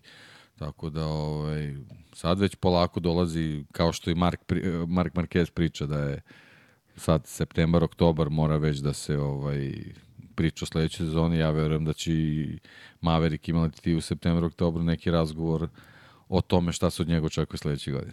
I to, ćemo, to će dosta zavisiti od Aleša. Šta su njegovi planovi u karijeri. I od Miguel Oliveira. Da, jedan Miguel koji i RNF najzad dolazi do izražaja, Da, da, da. Pa evo, obojica su konačno zdravi. Sad u stvari shvatamo, oni su bili roviti bukvalno do prošle trke obojica. Ali non stop, neprekidno. Da. Neprekidno. Za Raula smo čak i manje bili svesni koliko Da, je zapravo da. bila ozbiljna ta povreda. Svaka čast. Aprili cijeli može biti vrlo zadovoljna. Rivola naredne godine, ok, negde se verovo, Vinjales možda nešto može, ipak je bio na pobjedičkom postolju, prošle sezone bio treći, ali i ovo i dalje vrlo dobar rezultat. S druge strane, teki mi imamo polaritet u Ducatiju. Trojicu vodećih u šampionatu i ja mislim iskreno da je priča o beskonačno savršenom Ducatiju sada već počela da pada ozbiljno u vodu. Ja ovo pripisujem vozačima sve više i više. I Martinu, i Becekiju, i Banjaji. Nije to više motocikl gde ti sedneš, pap i mi ćemo sad svaku trku da bude nas šest među vodećih deset. Sada već, već polako Ima počne to se toga, ima i onog mača sa dve oštrice, zove se mnogo Ducati. Da je praktično jedan jedni drugim otkidaju bodove. E, jeste, ali pazi sad ovo. Ti kada... Pogledaj, pogledaj ti sad svetski šampionat koje je Banjaj najviše bodova otkinuo. Pa dobro, vodeća dvojica. Ali, ali, ali, imaš drugu, drugu grupu. Joan Zarko nije ni došao do Q2 dela kvalifikacije. Imaš drugu grupu. Zarko je baš bio loš ovoga vikenda. Ne samo što je bio loš, deseti na kraju. To, to je ba... Luka Marini, deveti kod kuće. Deveti kod kuće, to je meni jedno od I onda najvećih sledeći dan bude prvi na testiranju. Tako je. Ali, ali, znaš kako to meni izgleda? Kao onaj vozač ili igrač, evo, košarka je sad u modi, koji igra tri četvrtine. I super je tri četvrtine. I on će ti napuniti Prvo, X drugu i košarku. četvrtu. Ne, ne, treću. prvo, drugu i treću igra. A četvrta kada dođe, ne bih ja tu loptu ako ne, daj mi tu loptu, ja hoću tu loptu, hoću, pam, u, koš, razumeš, u poslednjoj sekundi za pobedu. A Luka mi djeluje kao čovek koji voli da vozi motociklom. Djeluje mi kao da bi mogao da bude savršen probni vozač. 100.000 km na probnoj stazi i to je to. Ali kada dođe moment trke, tu ne vidim to što je neophodno da bi, da bi pobedio za početak. Mislim da će on u jednom trenutku pobediti, će se sklopiti kockice. Možda, ajde, kao u Moto2 klasi u tom trenutku se nešto promeni, ali on na svojoj stazi nije mogao, ovako nije mogao da izgleda. Pri čemu, Alex Marquez 11. pozicija. Znaš, Alex, gde je Alex bio ovog vikenda? Je- Jesi ga primetio? Ja nisam primetio Aleksa Markeza. Ja nigde nisam vidio sad taj Ducati GP 22, čudesni, šampionski, samo sedneš, papi ima grejače u sedištima, što kaže Bradley Smith. Nema grejača u sedištima. A na tom motociklu Marko Beceki drugi i drugi. Mi znamo ko je lider u toj ekipi. Koliko god Valentino sedeo pored brata i pružao Pa pored podršku. Marko je preuzeo taj tim. Već je u drugoj, trećoj trci sezone bilo jasno od Argentine, je već jasno. I to, ali ovoga sada je Nema već, šta. to sad već postaje ozbiljna razlika. Samo, znaš, zanimljivo mi je, tri Ducatija na 9., 10., 11. poziciji. Marini, Pa ne, dokaz da Zarko, i Aprilia i KTM rade. Marquez. Rade ekipe. Rade ekipe. I postaje sve teže da ti tek tako dođeš do uspeha. Pri čemu? Možda su nas i zavarali zahvaljujući povredama drugih vozača. Možda upravo te povrede što Oliveire, što Raul Fernandeza su dovele do toga. Pa i to i ono što smo i pričali, mislim, to treba biti svesno, to nisu osam istih Ducatija, stari Ducati koji su u nekim u nekim ekipama, možda nemaju upgrade kakve imaju poslednja generacija sa druge strane, i, i druge ekipe, to je drugi motocikli se usavršavaju, tako da može ovaj, vrlo lako da se ta neka razlika smanji. Kada govorimo o smanjenju razlike, je, ono što ne vidim da, da se dešava kod smanjenja razlike je situacija koju mi imamo u Yamahi, deki 13. 15. Ne, mislim, poziciju je apsurdno i, i pričati, mislim. 13. 15. 17. ili 19. potpuno je sve jedno, mislim, ja ono što kod njih gledam, gledam za ostatak u odnosu na vodećega, to je, to je nešto da pokazuje da Yamaha apsolutno nemaju tempo ni u jednom trenutku. I to je, to je ovaj, nije to samo produkt tog, tog ovaj, slabog motora, ili postoje neke staze gde neke druge stvari trebaju dođu do izražaja, gde na kraju krajeva i, ona, i onaj Suzuki koji ima mnogo, mnogo mana, viđalo se da u nekim situacijama ovaj, svoje, svoje prednosti ume da iskoristi i da potisne ovaj, te neke elemente koji ne funkcionišu, ali ovde, ovde delo je kao da zašto god da se uhvatiš da jednostavno ne možeš da pronađeš pozitivnu stvar. 15 To je stvari problem. 8 sekundi izostaje. Znaš, znaš gde je pohvala? Što je zapravo Fabio bio u toj grupi, moje mišljenje, da je Fabio imao priliku da se probije u Q2 deo kvalifikacije. Mislim da bismo ovde dobili mnogo bolju trku Yamahi. I da zapravo trenutno loš kvalifikacioni tempo u potpunosti maskira svaku dobru i pozitivnu stranu koju Yamaha eventualno posjeduje. On ne može da pretekne. U savremenom Moto Grand Prix ne može. Jer pogledaj gde, u kojoj grupi se on našao.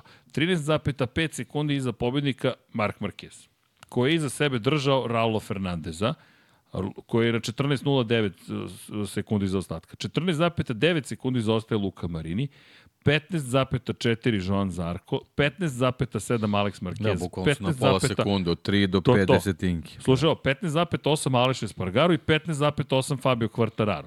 Dakle, Fabio, teoretski, uz bolji start, šesta, sedma pozicija. Ne kažem da bi bio šampion sveta, ali možda bismo mogli da vidimo šta zapravo Fabio na toj Yamahi može. Ovako, Ili bi oni mogli da vidi u stvari šta im Tako krucijalno nedostaje. Ovako, nemamo pojma. da, I, imaš samo dve si Yamahi.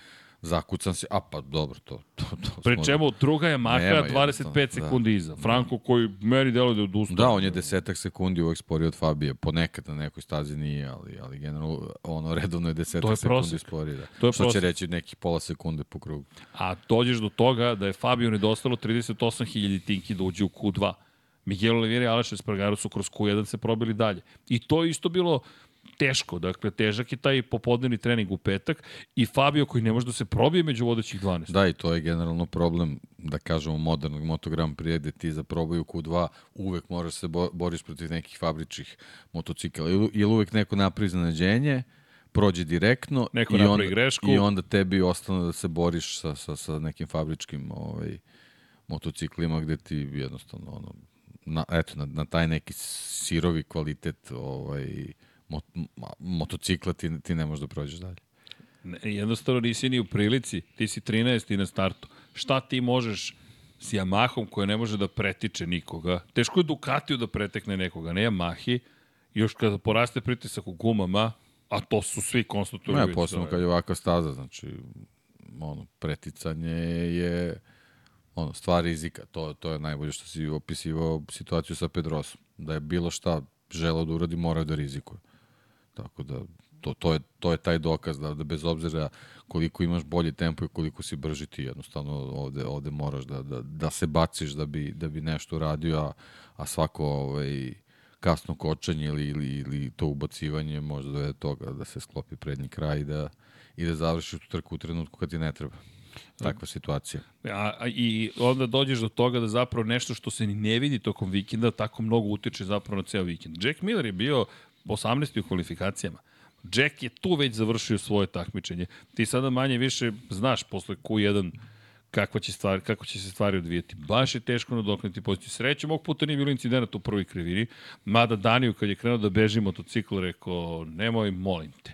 Samo nemoj, molim te, jer baš je podsjetio što ti kažeš na 500 jer nije prednji kraj, nego tebi je hladna zadnja guma i to kad krene da ljulja, Da, on je znao da, da, da leti u, u mladosti. Jeste, Prilično, ozbiljno je leti. Baš sam bio da. iskreno srećan za početak što nije pao, pa konačno na, toj, na ovoj stazi je 2012. izgubio titulu na neki način. Ko je zaboravio 2012, ko je zaboravio, ko pitanje da li ste možda gledali, šta se dešava Daniju Pedrosi? Daniju Pedrosi ostaje zaglavljen grejač prednjeg pneumatika u točku u momentu kada počinje krug za zagrevanje. Ne mogu da mu izvuku grejač iz prednjeg točka, zaglavljen u blatobranu, i zahvaljujući tome Dani ne startuje na vreme i mora da krene iz pit lane. To je ne, ne, šalju ga na začelje.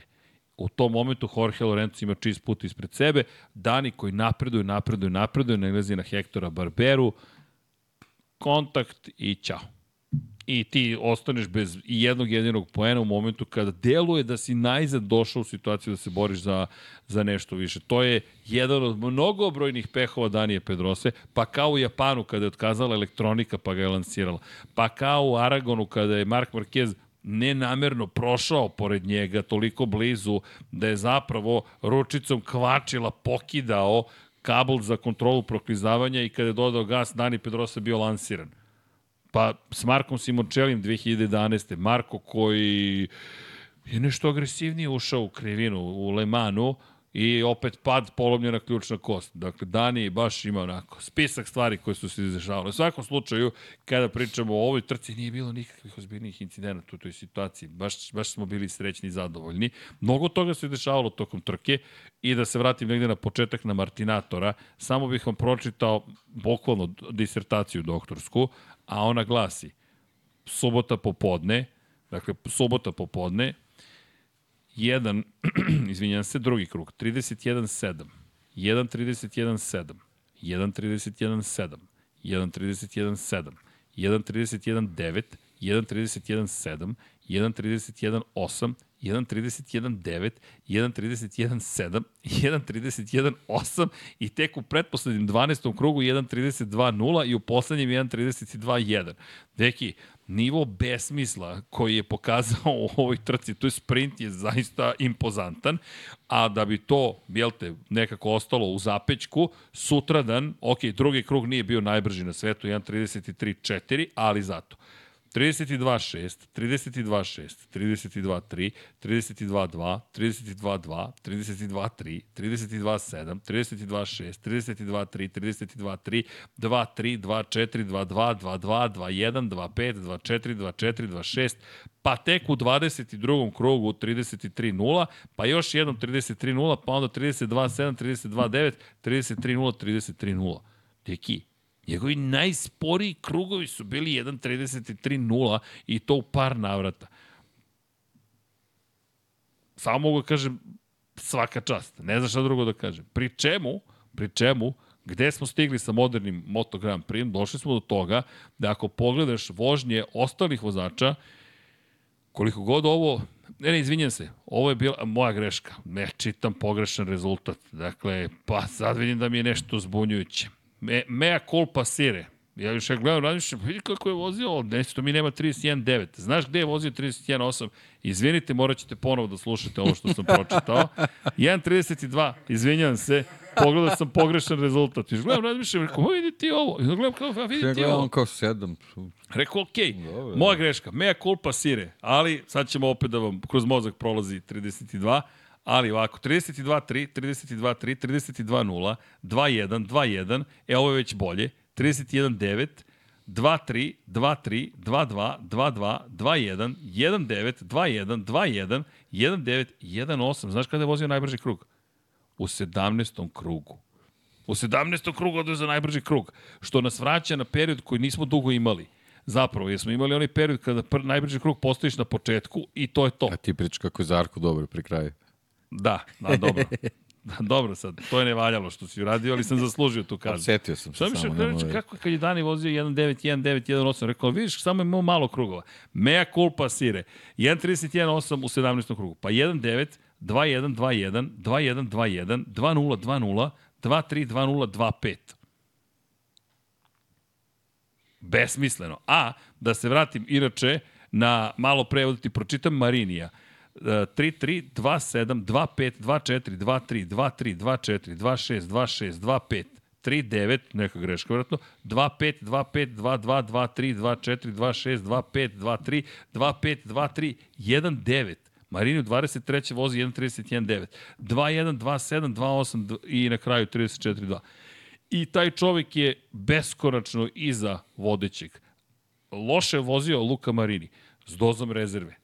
S dozom rezerve. Zapravo sam htio da napravim trik, ali sam baš sebe prevario. Kako prvo pročitam a, vodećeg i onda sedmoplasiranog i osmoplasiranog i kažem, jel vidite koliko je mala razlika. Ali zapravo mi nije uspeo trik, izvinjam se. Ali dobro, cenim da će ovo Jelena da iseče za Reels i napravi. Nisam goat, više sam magarenci, ali dobro. Ali dobro. Mar Martin zato pš, dominacija. Udrite like za iskrenost koju posjedujemo u našem dragom podcastu dok se ja crvenim i uši mi se crvene ispod ovih slušalica. Vlado, šta da ti kažem, udri tamo, nisam rekao apropo, ali penal. To ti kažem. Deki, imamo neki novi Penal. zaključak. Pa koji zaključak, sve smo ispričali, ne, nemamo šta da zaključamo. Idemo Jedva na, čekam Indiju. Idemo na nepoznanicu, to, to, To. uopšte nije loše. Ovaj, ali, al, eto, sa, sa, sa druge strane imamo Hondu, Yamahu, koje, koje tonu dalje. Mislim, ne, ne možemo kažemo da, da tu ovaj, da je to neka ovaj, situacija koja je tako traje, nego jednostavno stagnacija je tu ovaj, definitivna. Ducati, kao što si rekao, to, to je ipak, ipak nešto malo polovično, nije, nije onako baš kako bi posebno u Mizanu trebalo da bude, znači imamo trojicu vozača koji su s nekim svojim kvalitetima to, to malo ovaj, popravili, isplivali ovaj, u odnosu su na ostale. Imamo naravno KTM koji sad tu može da se zabrine oko te čitave priče ovaj, vezano za, za potencijale njihovih vozača u odnosu na, na svog testu vozača i Aprilija koja treba eto, da počne malo više da radi na tome da, da motocikl bude konstantniji što se tiče vrhunskih performansi na svim stazama. Eto, to, to je otprilike nešto što smo mogli zak, zaključimo vezano za, za trku Mizano. Opet sa druge strane, što se tiče testiranja, ovaj, videli smo mnogo karbona, to je ono što je... E, da, to nismo što je prokomentarisali. ovako baš baš uh, ono što se do sad stidljivo pojavljivalo, sad onako stvarno vidimo da je to debelo, debelo upotrebi ovaj, i verujem da to nije samo eksperiment, nego da ćemo toga sve više gledati u budućnosti. Da, inače KTM je došao sa ramom od ugljeničnih vlakana, Aprilija se pojavila takođe sa ramom od ugljeničnih vlakana, sada po, počinju polako Pedrosa dolaze... imao taj ram na trci, Jeste. pa su Miller i Binder probali na na testiranjima i mislim da je Miller u, u svojoj prvoj sesiji imao treće vreme na tom ramu. Tako da to je ono što smo pričali za Yamahu i Hondu. Kad nešto novo dođe, mora odmah da bude bolje. Očigledno da je taj ram radi. Ako Pazi. samo ram, sad to je nama bila Znaš, to- komunikacija, ne- sad je ne veliko znamo mi šta je sakriveno još sve- unutra, tako je, tako je. Šta se tu još sve dešavalo. Ali po kompozitni ramovi su nova ključna reč. Zapamtite reč. Kompozitni ramovi. Dakle, da. to je nešto što je novi, novo. Zašto kompozitni? Pa nije sad samo kombinacija jednog materijala, ovo je kombinacija raznih materijala. Kod KTM-a čelik je osnovni, aluminijum je kod japanskih proizvođača i kod Aprilije i Ducatija, ali kada pogledate šta se sada dešava, imate zaista kombinacije ugljenična vlakna, aluminijum, ugljenična vlakna, čelik i to je pitanje, dakle, kompozita, ali sada ne kompozitnog materijala, već kompozitnog rama, koje je sastavljen od više različitih elemenata, u ovom slučaju više različitih i elemenata i materijala, tako da je to neki novi trend u, u Moto Prix-u. Ne iz, prva izjava Aleša Spargara je, reka, je da moraju ponovo da pokušaju da testiraju taj ram i rekao je, zvučaće čudno, ali nije ni gore, nije ni bolje. Jednostavno je veoma, veoma drugačije. Tako da moramo da ovo probamo na nekoj drugoj stazi i moramo da rebalansiramo motocikl. Ravnoteža motocikla mora da se promeni. Nije tako lako. Ponekada, kada ste na nivou na kojem ste sada, da biste napredili šasiju je vrlo, vrlo teško. Upravo to. I sad dolazimo na to ko je dovoljno hrabar Da, da sledeće godine, ako, ako žele da prave korak napred, ne možemo pre trku da već prognoziramo plasmane Aprilije tako što kažemo, e, ovo je Aprilije staza, ovo nije. Oni sledeće godine moraju da budu na, na svim stazama dobri. Da, da, to, to, to nije sada To situacija. nedostaje, da. Pa to sad gledam i u Formuli 1 kada analiziraš, gledaš, aha, staza koja ima velik, visok nivo ni- nizgora, to je negativnog uzgona ili nizak. Aha, ovde će biti bolji McLaren, ovde će biti bolji Ferrari, ovde će biti Mercedes. Red Bull će svugde biti najbolji. E, to je to. E, i to je ta, To je to. to je ta razlika. To izgleda ni Ducati nije dostigao do maksimuma. Pa vidi se da Tako u Barceloni deluje. se videla Tako slabost. deluje, da. Tako da ima tu posla. Ono što je sad pitanje šta dalje sa ugljeničnim vlaknima, koje su prvi put testirali u Ducatiju, kakva ironija, još tamo 2008. 9. 10. i odustali Nisu su... u Kađivi, zato što još nije bilo. Da, da. Ali bi sigurno... Bilo je rano. još. Ali mislim da je čak i bilo. Pogledat ću dobro. malo negdje, ali čini mi se da je čak i bilo. Pa dobro, Pagani je...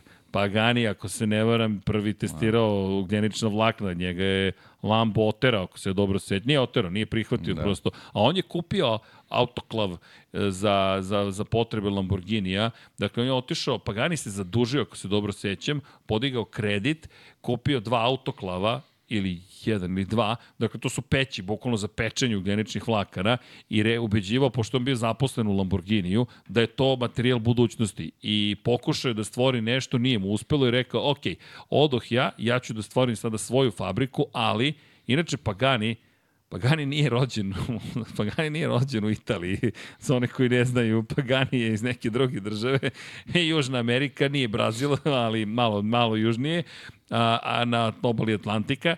Dakle, Pagani iz Argentine došao i hteo je u Modeni da stvori zapravo tamo gde se, jel te, trka, gde se stvaraju trkački rasni automobili, da stvori novu istoriju automobilizma. Odbili su ga i od kad je otišao iz Lamborghinija, on je ponovo našao kredit, otvorio svoju fabriku, odvukao svoje peći. Pazi, on je kupio peći za svog poslodavca, otišao sa svojim pećima i počeo da pravi jel te, legendarne sad automobile, Zonda. Da, da, ali pre toga kako je stekao kapital, E, nisam siguran, ali mislim da je, mu je... pekao je ovaj, ugljenična vlakna Jeste, za jeste, Formulu 1. za Formulu 1, Da, da, tako da. je, tako je. Jer on je bio jedan od redkih Da. koji je znao kako... Uključujući i za Ferrari. Da, e, da, da, da, da, da, zato što znam da, znam da je imao neku namensku industriju otprilike. Znači, prve, prve odlivke je pekao za Daimler, zbog toga je kasnije bio i povezan sa AMG-om, ali dobro, zahvaljujući i Juanu Manuelu Fangio i tako to što ti dalje. kažem, Fangio je I igrao tu veliku dalje, ulogu. ali znači za Daimler je pekao za Ferrari i, i I, uh, Za Apriliju. za Apriliju. Znao sam da ima I smisla onda ova je priča. zaradio pare i odlučio da pravi ovaj zondu. da, da, da, zondu koji, kako ćeš da praviš? E, Samo vi se opustite, ja ću da napravim jedan poseban automobil. A to se sve dešavalo 90. 91. To- zato koju ti sad kažem, spominjemo, tako je, a tako je. 92. je krenuo sa Pagani automobilima. Da, da, da, Pagani koji, da i Fangio koji odigrao veliku, a, baš veliku Jeste, ulogu u jeste. njegovom razvoju. Fangio mu je puno pomogao u toj celoj priči, a, ali to, to, to, to, to ne znam ni koliko se koliko se zna ta priča, meni je to bilo potpuno inspirativno kad sam prvi put čuo da je čovjek kupio peći. I toliko je verovao u ugljenična vlakna da je rekao mi moramo da idemo tim putem. Tako da zato kad Điva još nije bila stigla, inače bi ispekao bio njima Pa dobro, to je ta 90. 91. Tako je, tako ali vidiš, je. eto, Aprilija je Aprilija je eksperimentisala, eto, pred Još 30 tada. i kusur godina. To nisam znao, deki. Dobro. Da, da, da. Ali, da, ali Dobro, sad, mislim, navodi se da je pekao, sad zavisi. šta je pekao? Da, okej, okay. ne veze. Možda retrovizori bili. Pa, vidi, blatobran, znaš kao, da, ali ima znaš. karbon, lepo izgleda. to ono kao nije bio 3D printer, nego kao imaš kompozite. Ne, Pa kao bukvalno, slaži. slaži to, epoksi. Slaži, kroj, lepi. lepi, Lepi da lepo izgleda. lepi, peci, ukršta i dobit ćemo nešto. Da, zanimljiv materijal, ali nije naravno kao ni jedan materijal nije savršen, nije za svaku upotrebu. Inače, Aleš je rekao da zapravo pad koji je imao u Mizanu na novom, sa novim ramom je, do, je prouzrokovan time što je previše savitljiv bio. Što je zapravo jeste pojenta da šta se traži od, od rama, da bude dovoljno savitljiv, ali ne previše savitljiv. Dakle, uvija se ram prilikom skretanja, pogotovo kada ga oborite, kada oborite motocikl, on se uvija prosto. Ne možete da imate samo jedan čvrst objekat koji se nigde ne savija. Ne, ne, savitljivost metala, rama je ono što je neophodno postići i zato kada se razvija ram je to to je nauka, zaista. To je prava nauka i zašto je Rossi insistirao da Ducati pređe na aluminijum? Zato što je video koliko Japanci razume bolje aluminijum, sada ga razume i Ducati, ali eto, čekamo da vidimo ko će dovoljati ugljeničnim vlaknima. Jer vi zapravo kada razumete kako da pletete ugljenična vlakna ili da ih kombinujete u kompoziciji sa aluminijom ili čelikom, vi od trke do trke možete praviti ramove. Bukvalno. Vi možete kažete, ok, sad deo koji imamo osnovu koja je čelična, na primjer, kod KTM-a, ali ćemo dodati ugljenična vlaka koje se savijaju na određeni način, ti možeš od staze do staze. Da, ali eto, to je taj moment u kojem ne mogu da učestvuju privatne ekipe.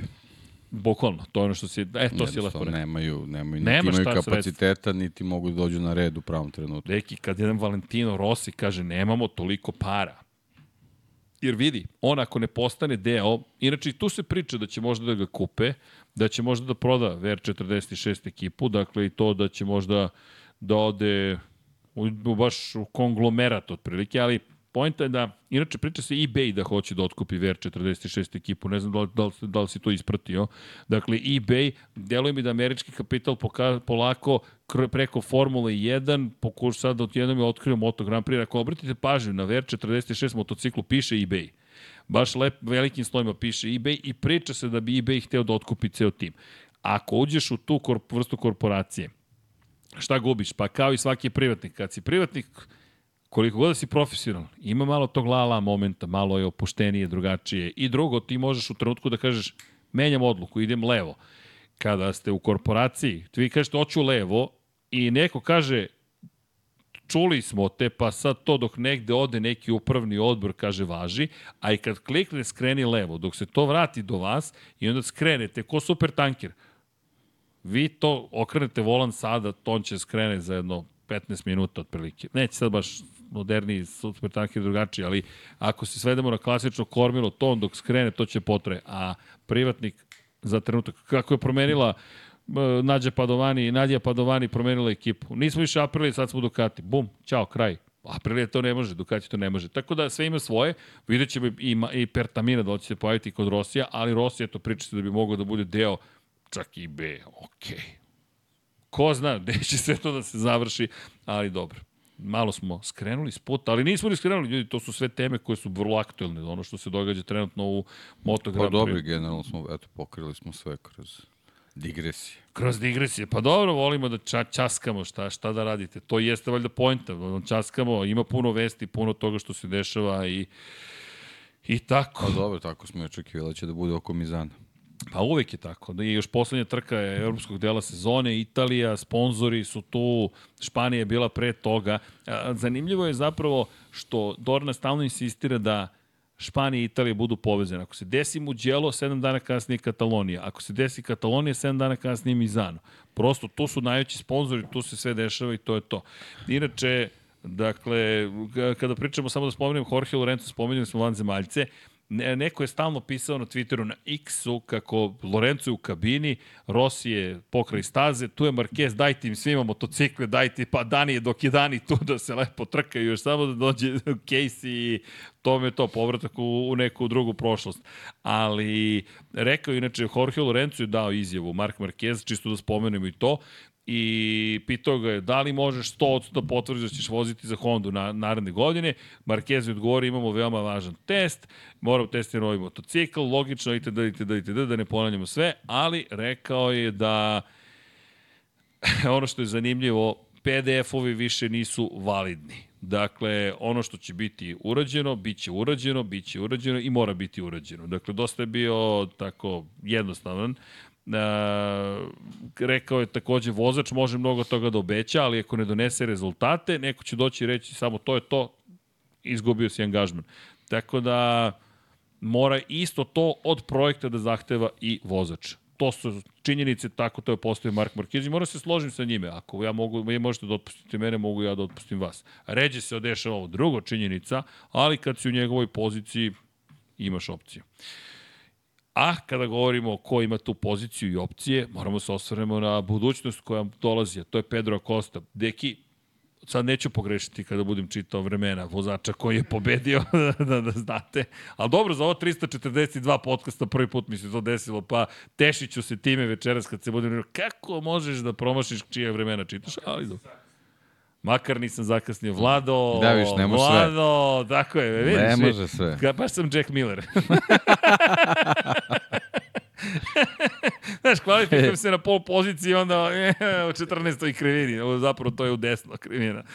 Padnem, ali dobro. Dakle, Pedro Costa, deki, trka koju smo očekali. Ja mislim da je baš bila trka koju smo čekali, koja mu je bila preko potrebna, s obzirom na činjenicu da je odvezao doktorski.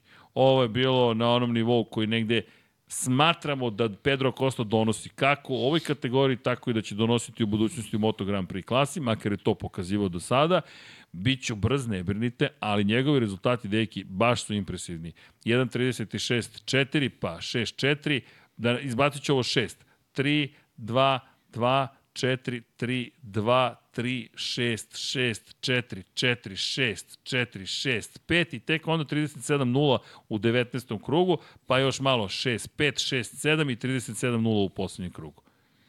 Baš Pa je da, mislim, ali rešio. mislim da bi bilo, da, možda, možda bi bilo i upečatljivije da je, on je samo u jednom trenutku imao možda to, tu neku ovaj pretnju od, od Vijetija, ali nekako i Vijeti nam je stavio do znanja da, da ovoga puta nema nema Nema ono ovaj, što ima na Red Bull ringu. Tako je, ta, taj, taj, tu Da, neku da. energiju, tako da verovatno ni Pedro onda nije imao potrebu da, da, Pa što bi, da možda drži da je neki tempo, ali Tako verujem da je, da je, da je Ćele možda malo pritisnuo da bismo dobili možda i ravniju tarabu što se tiče Akosta. ali prosto nije bilo potrebno. Mislim da nije bilo potrebe. Tako je delovalo zaista. I kontrolisana jedna trka, školski urađen posao, baš je izgledao dobro. Kažem, moje mišljenje, mislim da mu je bilo potrebno na svim mogućim nivoima, jer već u par navrata se dešava da on povede i da ne zabeleži pobedu. Pritom, treći u Holandiji, treći u Britaniji, drugi u Austriji, šesti u Kataloniji na domaćem terenu. Već su se proredile te pobede, ovo je peta ove sezone. Mislim da će do kraja ih imati još dosta, zaista mislim da će imati dosta. Dva razloga. Prvo, on je u sjajnoj formi. Drugo, Da li uopšte mi pričamo o Toniju Arbolinu kao kandidatu za titulu šampiona sveta? Toni je drugi, 177 ne, nego u poena. ovom trenutku kako da pričaš o Toniju kao nekom ko će pobedi na trci. Pa vidi, ko će da bude na pobedničkom postolju? Ajmo za početak to da rešimo. 211 poena ima u ovom trenutku Pedro Acosta, 177 ima Toni Arbolino. Mi pričamo deki o 34 poena razlike. Mi sada već pričamo o nečemu što se To ne je dva boda manje nego što ima Banjaju odnosno na Martina. u odnosu na Martina. A tamo nema imaš sprint. sprint. A, Tako da je. nema sprint, Nemaš da. sprint. Dakle, ti imaš već trku i po prednosti. A poslednji put kada si ti smanjio razliku, pazi, e, nije nagradno pitanje. Deki, znaš kada je poslednji put Toni Arbolino u trci osvojio više poena od Pedra Koste? Ovako na pamet. Šta misliš? Pa ne znam, verovatno pa kad je pobedio. U pretpostavljam. Le Manu. U Le Manu, da. Poslednji u Le Manu, put da, u bravo. Le Manu, A kad je Costa pao, da, Pedro da, da, Acosta. Da, da, da, da. U Le Manu je poslednji put. A znaš kad je pre toga bio bolje plasiran od Pedra Acosta? Pa isto kad je pobedio. Tako je u Argentini. Ali to su jedina dva puta u 12 trka da je Toni Arbolino bio ispred Pedra Costa.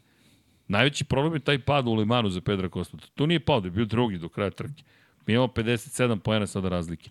Dakle, bio je treći u prvoj trci Toni Arbolino, pobedio je Acosta. U Argentini pobedio Toni, 12. je bio Acosta.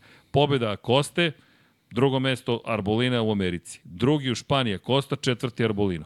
Pada u Francuskoj Acosta, pobeđuje Arbolino. Dve pobede potom Acosta, dva druga mesta Arbolina. Dva treća mesta Acosta, sedmi i deseti Toni Arbolino. Drugi Acosta, šesti Arbolino. Šesti Acosta, sedamnesti Toni Arbolino. Pobeda Acosta, četvrti Toni Arbolino. Ja zaista ne vidim šampiona sveta u Toni Arbolinu u ovom trenutku. Zaista ne vidim.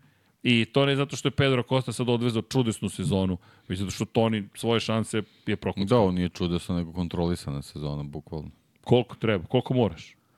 Ajde, Bilo je, bilo je, ne, bilo je nekih možda loših procena gde je on onako nekom svojom željom hteo da, da ovaj, bude dominacija poput ove dominacije u Mizanu, ali ovaj, da je malo, malo u, u tim nekim trenucima drugačije ovaj, reagovao, stvarno bi bila kontrolisana priča, to kao što si rekao, sad bi to već bilo da, na dve trke prednosti sigurno.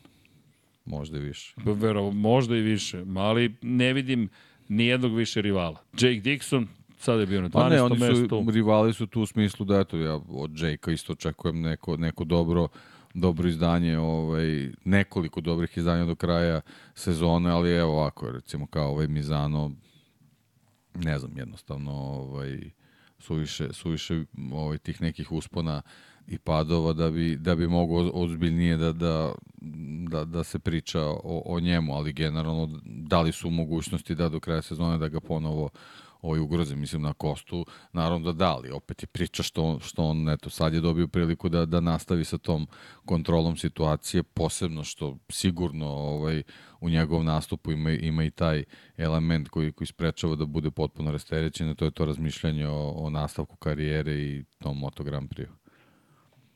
Da je Kosta malo rasterećeniji, verovatno bi dominacija bila ozbiljnija. I što može vrlo brzo da se desi, pošto ako su već popunjene mesta u njegovoj trenutnoj ekipi, znamo da je otkaz dobio, mislim, svi, mislim da svi znamo, Albert Arenas dobio otkaz, uslovno rečeno Pedro Acosta ne ostaje u ekipi Aki Aja, dakle, verujem da će uskoro doći taj moment kada ćemo znati kakva je sudbina zapravo Pedra Acosta. I mislim da ćemo to opet saznati tamo negde oko Japana, da će se to rešavati, jer ako planiraju da otpuste Jacka Millera, neće čekati Australiju. To, je, to mislim da bi im bio baš pogrešan i ružan potes konačno, tako da im to ne treba. I ako Kosti što pre da kaže, ej vidi, ovo je plan, ajmo da završavamo posao. E, Što se tiče Jakea Dixona, samo konstatacija ovo što si već rekao. Biće tu još neka pobeda, biće tu... Ovo je sad priprema za 2024. Moje mišljenje. Zaista, to, to, to, to je moje mišljenje. Kada reč o Celestinu Vijetiju, moramo da spomenemo, svojio pol poziciju, odvezao najbrži krug trke, bio drugi u celoj trci, nije na kraju bio blizu, 6 sekundi za ostatka, ali nije ni morao da bude. Zaista nikoga nije ugrožavao i kada pogledaš generalnu trku, Celestino, moj utisak je da je Celestino već znao. Rasterećeniji, Tako je, zna tako ovaj, je. gde je sledeća sezona. Tako je, da je već zna isti svak, ne, nismo ni, Pa ne, nismo pa ni šta, ali to je to. Nije, nije ovaj... Ne treba ti kristalna ne, kugla. treba, ne treba, jednostavno. Znaš, ti znaš da imaš posao za sledeću godinu Da. najjačoj ekipi u šampionatu. Kao što prošle godine u trenutku kad je shvatio da da VR jednostavno nema Prestaje nema, da postoji. nema pa ne to nego nema nema kapaciteta da izgura s njim sezonu, jednostavno i on je potonuo tako da da ovaj tačno tačno se vidi ovaj tako da načela te isto treba računati i sad do kraja sezone da će malo zagorčavati život ako osti, ali suviše daleko da bi ga ugro- ugrozio na, na neki ozbiljniji Pa način. duplo više skoro Pa poena. da, Da, da. Ima 105 poena više, a 106 bodova ima Celestino Vijeti. Tako da Ćele mislim da je u super poziciji. Osmeh koji je imao sada kada je potpisivao ugovor, veći osmeh ne pamtim da smo Pa, videli kod mislim, Celestina. teret, teret mu je sigurno pao sledeće. Stvarno, je, stvarno je bila neka situacija da je, da je ovaj, ipak trebalo se zapita a, a gde karijera. Baš je bila pod znakom pitanja. Jer ti si u VR 46 ekipi, ti pobeđuješ, vodiš u šampionatu sveta prošle sezone i odjednom gde a sam? nema, ni mesta za tebe za dalje. Da. Inače, da, e, neko me pitao za akademiju, kada spomenjamo VR46 akademiju i kako imaju problem sa mladim i- vozačima italijanskim. Doći ćemo do toga, mi smo to već analizirali, ali ti si lepo pitao koliko ih ima i moram ti reći, od tog momenta sam počeo ponovo da vodim računa. Nema više italijanskih vozača. Dakle, Celestino Vieti je na poziciji šest u šampionatu, imaš Toni Arbolina koji je drugi i onda moraš da odeš do Denisa Fođe koji je 20. i do Matije Pazinija ukoliko ga računamo uopšte u vozače, pošto je to veteran koji eto, nastupi s vremena na vreme. Dakle, eto Fođe kao treći, Lorenzo Dalla Porta je otišao, Matija Rato, čovek se pojavio na dve trke kao zamena i to je bilo to. I onda imaš Moto3 kategoriju u kojoj Stefano Nepati je najbolji kao deveti, u šampion, deveti vozač u šampionatu, Ricardo Rossi je 16. Romano Fenati veteran 18. Mateo Bertale 20. i Andrea Minjo 22. Jer smo prošle puta pričali o tome koji, koji je jedini italijan koji se popeo na pobedničko postolje u Moto3 klasi. Smo pričali o tome. Znaš ko je jedini ove godine ko se popeo? U, U Moto3 klasi. Andrea Minjo. Andrea. Kada je u Argentini Andrea menja... Minjo. E, Andrea Minjo, kada je menjao Lorenza Felona u Argentini. Nijedan Italijan se nije popeo na pobedničkom postolju sem Zaboravio njega. sam na. Pa razumeš, a on je zamena. On je Da, čovjek koji da, nema da. angažman trenutno. On vozi sad u Moto E kategoriji, vozio poslednju dva, poslednji, poslednji vikend. I imaš Luku Lunetu koji se pojavio i Filipa Fariolija koji nije doneo to što se od njega očekivalo.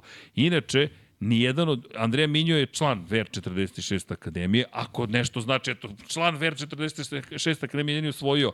Dakle, do, došao do plasmana pobjedičkog postolja i da nema Toni Arbolina i sada evo Celestina, mi ne znam u kome su pričali u Italiji, a Vieti predstavlja upravo akademiju. Šta hoću da kažem?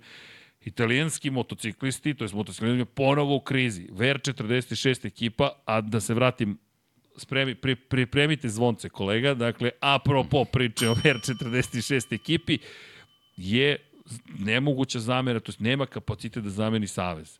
Rossi ne može da bude zamena za savez. On može samo da pokaže put, ali ako se ne uključi ceo savez ili drugi italijanski šampioni, od toga nema ništa. Ti imaš osam vozača u akademiji i to je to. Ali mi je drago da vidimo da se Celestino vratio. Odjednom, deki, ajmo, ajmo realno da pričamo. Mi smo par navrata spominjali kada je četvrti bio u Lemanu. Da li je Fantik našao rešenje? I znam da si rekao, Crki, polako. Peta pozicija, tu sam bio u fazonu, a, deki, provalio sam ga. 10. 10. 12. posle toga. I onda sam bio a, nisam ništa provalio. I onda, bum, pobjeda u Austriji. Verovatno u tom momentu Aki Ajor, kao Fabio Quartararo moment. O, Barcelona, vidi, nema ga nigde pobedio, ovde ima nešto.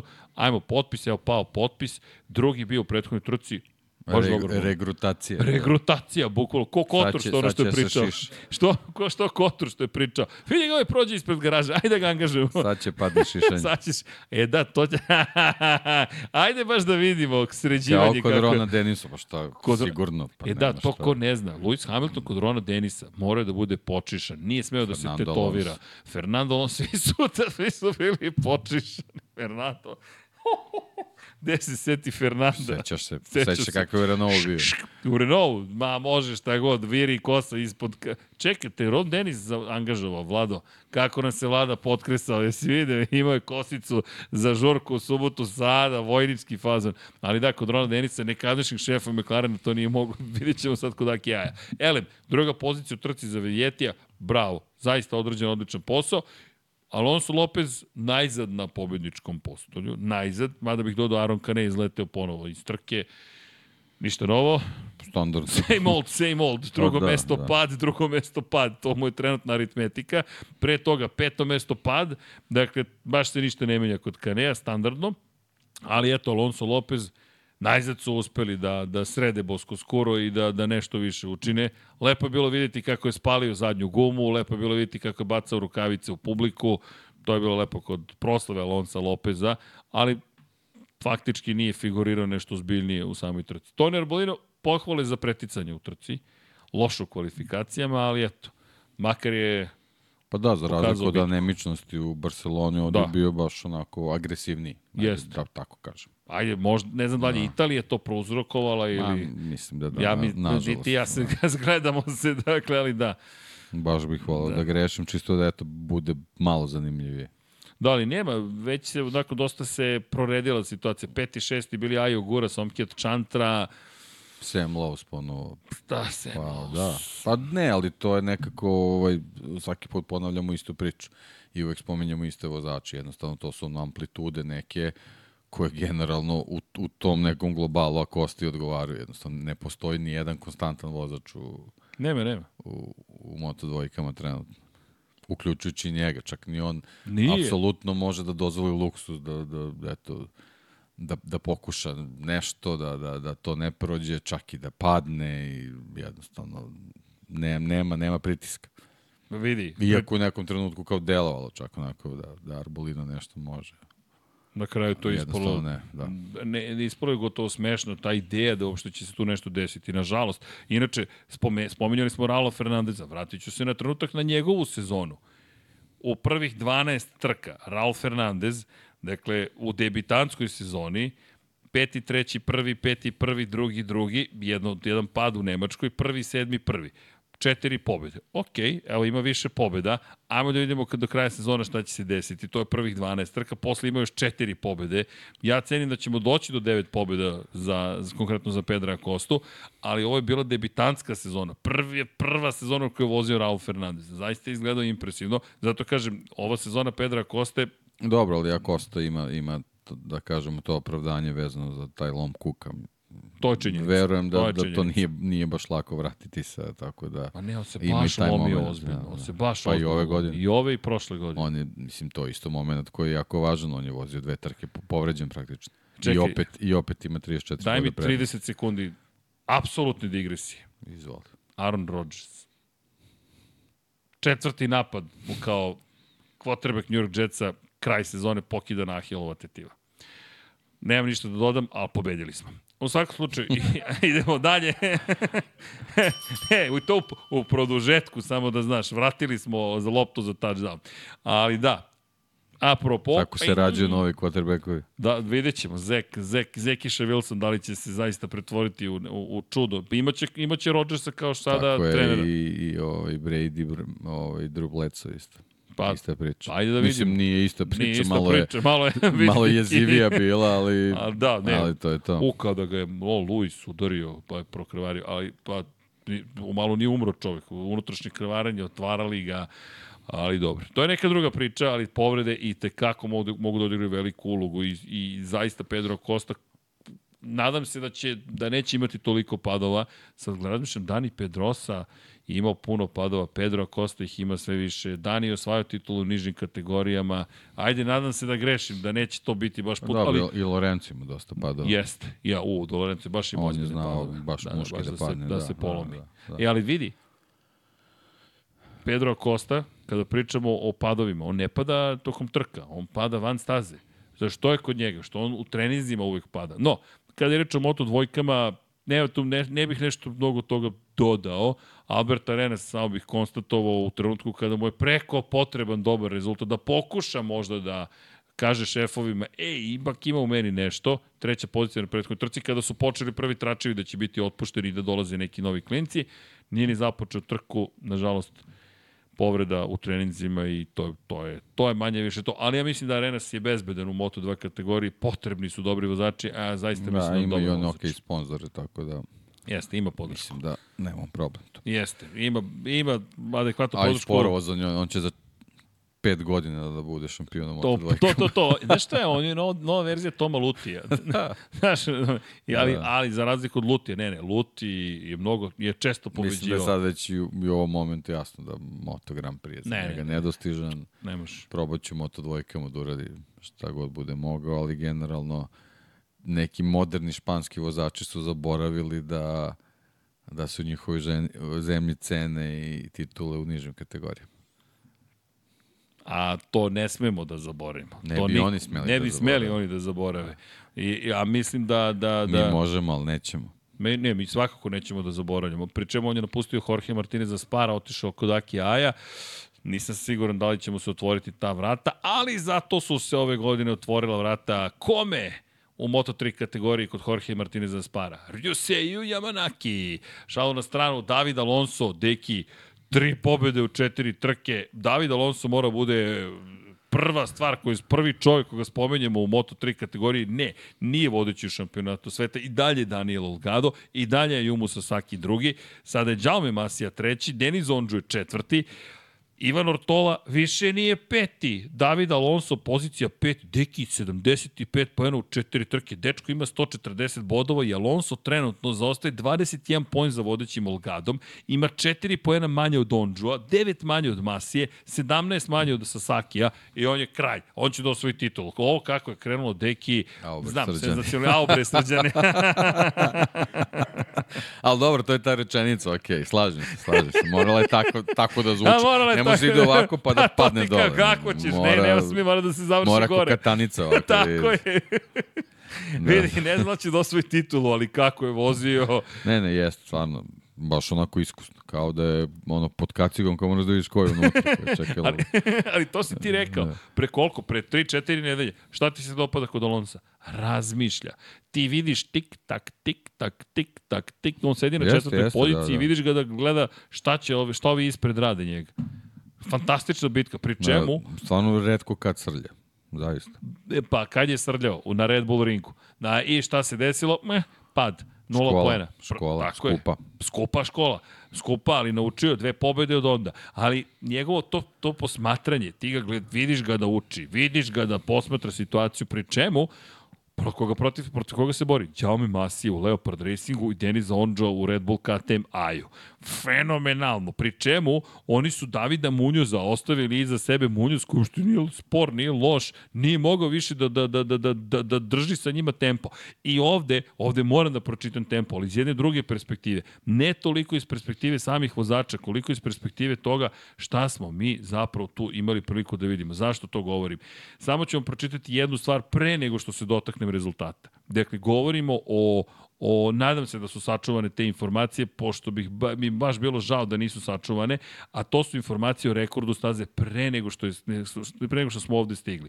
Dakle, da vidimo, 2000, ne, već su promenjeni rezultati, ali mi smo imali situaciju, sad ću da nađem ja prošlogodišnje rezultate u Mizanu, jer će tu da piše zapravo šta se desilo, a ti rezultati, ne zamerite, će nam dati priliku da zapravo konstatujemo čemu smo mi Zašto se ovaj... Deki, jesi mi dobro?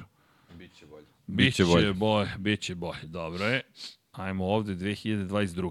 Molim vas za malo strpljenja da vam pročitam samo koji je bio rekord staze pre nego što smo se ove godine pojavili zapravo u, u Mizanu, a šta smo mi doživeli u trci Moto3 klase. Jer ovo je više od master klasa. Ovo je jedan od onih trka koje treba zapamtiti, baš zahvaljujući trudu sve trojice vodećih vozača. Dakle, Alonso je pobedio, 36.000 delova sekunde ispred Masije, Onđe je zaostavio 2,5 desetinki. Inače, kada kažemo ostavili su Munjoza daleko iza sebe, 7 desetinki iza pobednika je bio Munjoz. Toliko o tome koliko su ga ostavili. Elem, da li je ovo? E, 2022. Slušaj ovo, Denis Fođa, rekord staze, najbolji krug u trci, 1.41.7.1.0. Dakle, 1.7 je rezultat koji smo mi imali prilike da vidimo. Šta smo dobili kada je reč o analizi ove trke? Dakle, vodeća trojica, ne zamerite, ali super uh, brzi sajt Dornin, koji su tako prelepo preopteretili, dok izbaci informacije, pošto, inače, ko ne zna, results, uh, odete, posetite, kako je, kako im se zove me, u meniju opcija, results and standings, odete tamo i dalje, teško je sad malo snaći se, ali možete da nađete. Elem, čitam tempo za Davida Alonsa u jednom momentu ove trke. 41, 42-1, dakle mi smo na nadomak najbrže kruga ikada. 1-8, 1-9, 2-2, 1-5, on vozi 1-5, 1-8, 2-0, 2-5, 1-7, 1-3, 1-7, 2-5, 2-2, tu su malo usporili. Završni krugovi, 1-6, 1-6, 1-2, 1-8. Ljudi, to je, a on je u grupi sa Jaume Masijom koji vozi 1.6, 1.6, 1.4, 2.0 i Onđom 1.7, 1.6, 1.4, 2.3. Dakle, da se podsjetimo, rekord je bio 1.7. Oni voze po pola sekunde brže od rekorda. Ne jednom, oni su stalno brži do sada najbrže kruga koji ikad viđen u trci. Puno suluda jedna trka i brzina kojom su se oni kretali i Bunjuz je bio fantastičan i ti na kraju svega toga dobiješ pobedu Davida Alonsa, Kolumbica koji se rodio u Madridu i nešto sasvim novo sada imaš u šampionatu sveta. Ćame Masija pritom, kasno kočenje, Denis Ondžu koji je sam priznao, najzad je rekao, ostavio sam ja otvorena vrata. Nije rekao, a neko ulete u mene, nešto se desilo. Ne, napredak Denis Ondžu je fascinantan meni, ima tu još puno posla, ali priznao je, ovo je moja greška. Ja sam imao pobedu u rukama, ostavio otvorena vrata na temenu krivine, Masija zgrabio onu kočicu, prepumpao ceo motocikl, ali se zaustavio. Dobro, ta krivina u Mizanu to dozvoljava. Voli, voli. A da, dozvoljava, ali... To je posebno u automobilima jako zanimljivo. da, da ima, može, može da bude, da, interesantno. Da, da. Zapravo treba pogledati, upravo si, za sve koji nisu gledali, pogledajte automobilske trke u Mizanu. Ja, jesu zanimljivo, progotovo tamo kroz korovone, kad krenu da se nameštaju. U svakom slučaju, Alonso koji koristi tu priliku sjajno napada i ti vidiš njega da on traži sad svoju šansu i Alonso bi išao u napad. Možda ne bi uspeo do pobjede, ali Masio bi sigurno napao. Možda i u 15. 15 je baš teška. U 16. smo međutim videli napade, ali nije bilo potrebe Masija. Srećom se zaustavio, Ondžu uspeo da, da, da, da nastavi trku, prvi, drugi, treći prošli kroz cilj, Đao Masija pritom na pol poziciji, zadovoljni u Leopard Racingu, pazite odjednom, Masija je u dve trke 40 pojena nadokradio, 50 pojena nadokradio David Alonso i Ondžu, ok, imao je kaznu, ali ako pogledamo, on je uspio da nadoknadi 20 pojena u toj dve. Đao Masija treba dobije batine, u principu, to je realno ono jedino i jedino što treba uraditi njemu, tako da. A dobro, i dalje, i dalje simpatičan zato što stvarno, stvarno se trudi, baš je ogromna želja, ali ali eto ponekad onako eto, te, te, to neko, neko klinačko razmišljanje na nekim trkama ga stvarno košta, mogao već da bude višestruki šampion realno. Bukvalno. I mogao da bude možda da kuca na vrata Moto Grand Prix. Zaboravljenih hasova. Bo... ali, da, zaboravljenih kategorija, ali nije to slučaj.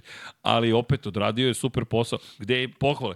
Za Alonsa pohvale prvo ljudi za svu četvoricu Ne, ne, ono, baš ono sjajna Moto3 trka. Vatrena trka. Da. I nije Ali to je neki sport. Mizano. Mizano za, za Moto trojke je fenomenal. Ma fenomenal, stvarno. Meni je bilo mnogo lepo što, što su toliko brzi. Što ostali ne mogu, mogu, ne mogu da sanjaju da budu toliko brzi. Nije ono grupa, svi smo usporili pa se harmonika napravila nas 15 sporih. Ne mogu, ne mogu. Ne. Oni su stvarno momci u formi i ja bih volio da se tako nastavi do kraja.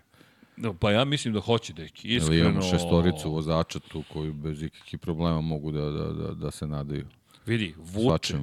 Pazi, Olgado, dve velike greške. 22. 16. sada bez jednog poena u dve mnogo važne trke. S druge strane, njegovi rivali se približavaju, a Jumo Sasaki pritom. A Jumo Sasaki morao da vodi. Ako neko treba da dobije batine, ne bukvalno da znate, to je preneseno značenje za grdnju, ajmo tako da kažemo. S tim što, ajde, pričat ćemo o tome. Ayumu Sasaki, Ayumu Sasaki, bi, ne znam, mora neko s njim da porazgovara. Četvrti i sedmi momentu kada ti tvoj glavni rival ne ima, ima loše trke. I ti u tim momentima dozvoljavaš da se neko drugi pojavi. To, to ne, ne možeš tako da postaneš šampion sveta. I ti sada zaostaješ Pa četiri dobro, poena. vidi, mislim, videlo se kroz čitavu sezonu da, da ima, ima problem sa završnicom. Sad, da li, da li je to neki nedostatak motocikla, nešto, da li, da li ovaj, se nešto tu malo više troši, pa u finišu trke on nema, nema ovaj, taj tempo ili neke njegove možda loše procene to smo i videli ne, nekoliko puta i da se desilo ili su drugi toliko dobri u toj završnici, ali generalno vidi se da, da, da, da motocikl ima tempo i stvarno bi trebao to da koristi na malo malo ovaj efektniji način, posebno što kažeš u trenucima kad tebi je glavni rival, nema ga nigde jednostavno, potpuno ono kao, kao Nestao. neko sad kad bi počeo prati šampionat, ne, ne bi mogu i da pomisli da, da je to vozač koji je do skoro onako baš, baš bio ubedljiv. Pazi, u poslednjih pet trka, tri trke bez jednog poena. Da. A završene su, ok, pad u Kataloniji, to je baš bio pad, u Holandiji nije pao, u Mizanu nije pao. Jednostavno ga nema. A poput Arbolina u dvojkama. Pa, od, e, bukvalno, Otprilike, to je to. to je to. Je to. Paralela je više da. nego adekvatna. I onda imaš Masiju koji je pao u Britaniji, pokvario mu se ok motocikl u Austriji i sada dva druga mesta. Ali bih pohvalio Masiju. Masija Ne, je ovo ovog je, puta ovo je, bila, bio ovo je zreo. drugačiji masija, recimo, dobro, ajde, stvarno, mislim, ja malo se šalim, ovaj, baš nije imao sreće, recimo, prethodne dve sezone. Stvarno neke stvari koje su se njemu dešavale su bile neverovatne. Ali ovaj, ovde bi sad morao ono, ono što, što su mu u Leopardu rekli, što je, što je Kotor ponavljao, jednostavno čoveče završi trku samo. Samo završi trku. Čemu je problem? Samo završi trku. Da. I oni su imali ozbiljan razgovor posle, posle Silverstona. To je i Kotor rekao prvi put posle duže vremena da je morao da sedne da priča sa šefom ekipe i vozačem. O Kotoru koji se nikad ne meša, voza, ne, ne meša se u rad ekipe. Jednostavno, on je organizovao ekipu, ti si menadžer tima, nema šta tu da se mešam. Ja sam izvršni direktor i to, to mnogo lepo organizuju. Dakle, ne kao Domenicali u Ducatiju koji ima potrebu stalno da se meša, ma makar javno. Kotor se ne oglašava. I ako se oglasi javno, to je samo podrška. Ma i to i tipa, on je već u pripremi za sledeću sezonu, on se Bukvalno. time bavi. O, o, Tako je. Ova sezona je postavljena. Pa ko je potpisao ugovor sa Angelom je. Mi nismo ni znali, samo odjednom k- saznali smo od Ricarda Hove. Pri čemu sedimo s čovekom, nema reči o Angelu Pikeresu, ali to je profesionalac. Tako se vodi tim. Tako je. I ti pročitaš od Ho Hove, izbacuju na Twitteru i ti kao, ili istina, pričat ćemo. I kao, ok, hvala. Ali tako se vodi tim. I to što ti kažeš, on radi 2024. A ne sada da rešava ove operativne probleme. Međutim, posle toga, kvar na Da, motoru... ovo, kao što rekao, to je bukvalno operativni problem. Operativni problem je egzekucija vozača i operativni problem ne sme se dešavaju kvarovi u ovom trenutku. Tako je, to je... To Posebno što Moto Trojka on nisu toliko ni skloni tome. Znači, tu, tu ne sme se desi posebno u takvoj vrhunskoj ekipi. Tako da. A desilo se Ali očigledno da mora se umeš u, tom, u, u tim trenucima. I umešao se jednom i to je to. I odjednom, evo, dva druga mesta, pol pozicije, stvari izgledaju bolje, pri čemu Ondžu isto pohvale, stvarno. T- to, to u Barceloni je opet ta, ta nekako, to, to, ta, ta, ta potreba da kroz svaki put mora glavom kroz zid da bi nešto naučio. Dobro, ovo je sad već nekako kao da u trenutku kad se opusti pojavi se onaj pravi onđu. Pravi Denis napast. Da, baš je onako tenis da menis. Da. A kad iskontroliše sebe i kaže, ok, možeš ti to drugačiji pristup, jer ti, evo, prvi, treći, jedanesti, prvi, dvanesti, treći. 11. pozicija, jeste, Alonso je imao taj moment kada je morao da ga izbegne praktično Ondžu, pa da pripišemo to naravno spletu nesrećnih okolnosti, ali taj trenutak u Kataloniji baš može da mu bude skup. No, u igri je, super igra, 21 poen, fenomenalno, i naravno ne bih u potpunosti isključio Ivana Ortolu, koji zostaje 29 poena za Olgadom. Jedino što Ortola polako počinje da ispada iz te igre. Ne može da prati ovaj tempo, pa hajde Pa da dobro, sačekamo. nije- nije, nije isključen, Nije nego isključen samo iz cele- priče. čekamo ga otprilike. Ostali, zaista mislim da, da Diogo Moreira još je ne znam, je i pozitivno kako je završio na 12. mestu, koliko je loše vozio tokom celog vikenda. Pa ne, dobro, Ali- ali... cela, cela sezona je loša, tako da Jeste. Sad je loše. verujem da i on sad već se okreće malo i sledeće godine. Pa moto dvojkama, to je ona priča. Teo Martin da, da kupuje jednostavno Kod tih Ponsa. Mladih vozača nekako i glava ode već na, na drugu Pa stranu. da, nemaš fokus ti ono što smo pričali. Sad ovo, sad ovaj trening, sad ova trka. Sergio Garcia. Baš i Sergio Garcia. Ali da, dobro. Ali u svakom slučaju fenomenalna trka Moto trojki. Ali Diogo Morira, srećan dan nezavisnosti. E da, Diogo More, da, bravo, deki. Inače, nije danas, danas ga da. obeležavaju, ali ne znamo sad zašto se danas obeležava, možda je to jednostavno neki protokol po utorak. Da. Ne znamo, ali čestitamo dan nezavisnosti. 201 godina od nezavisnosti Brazila.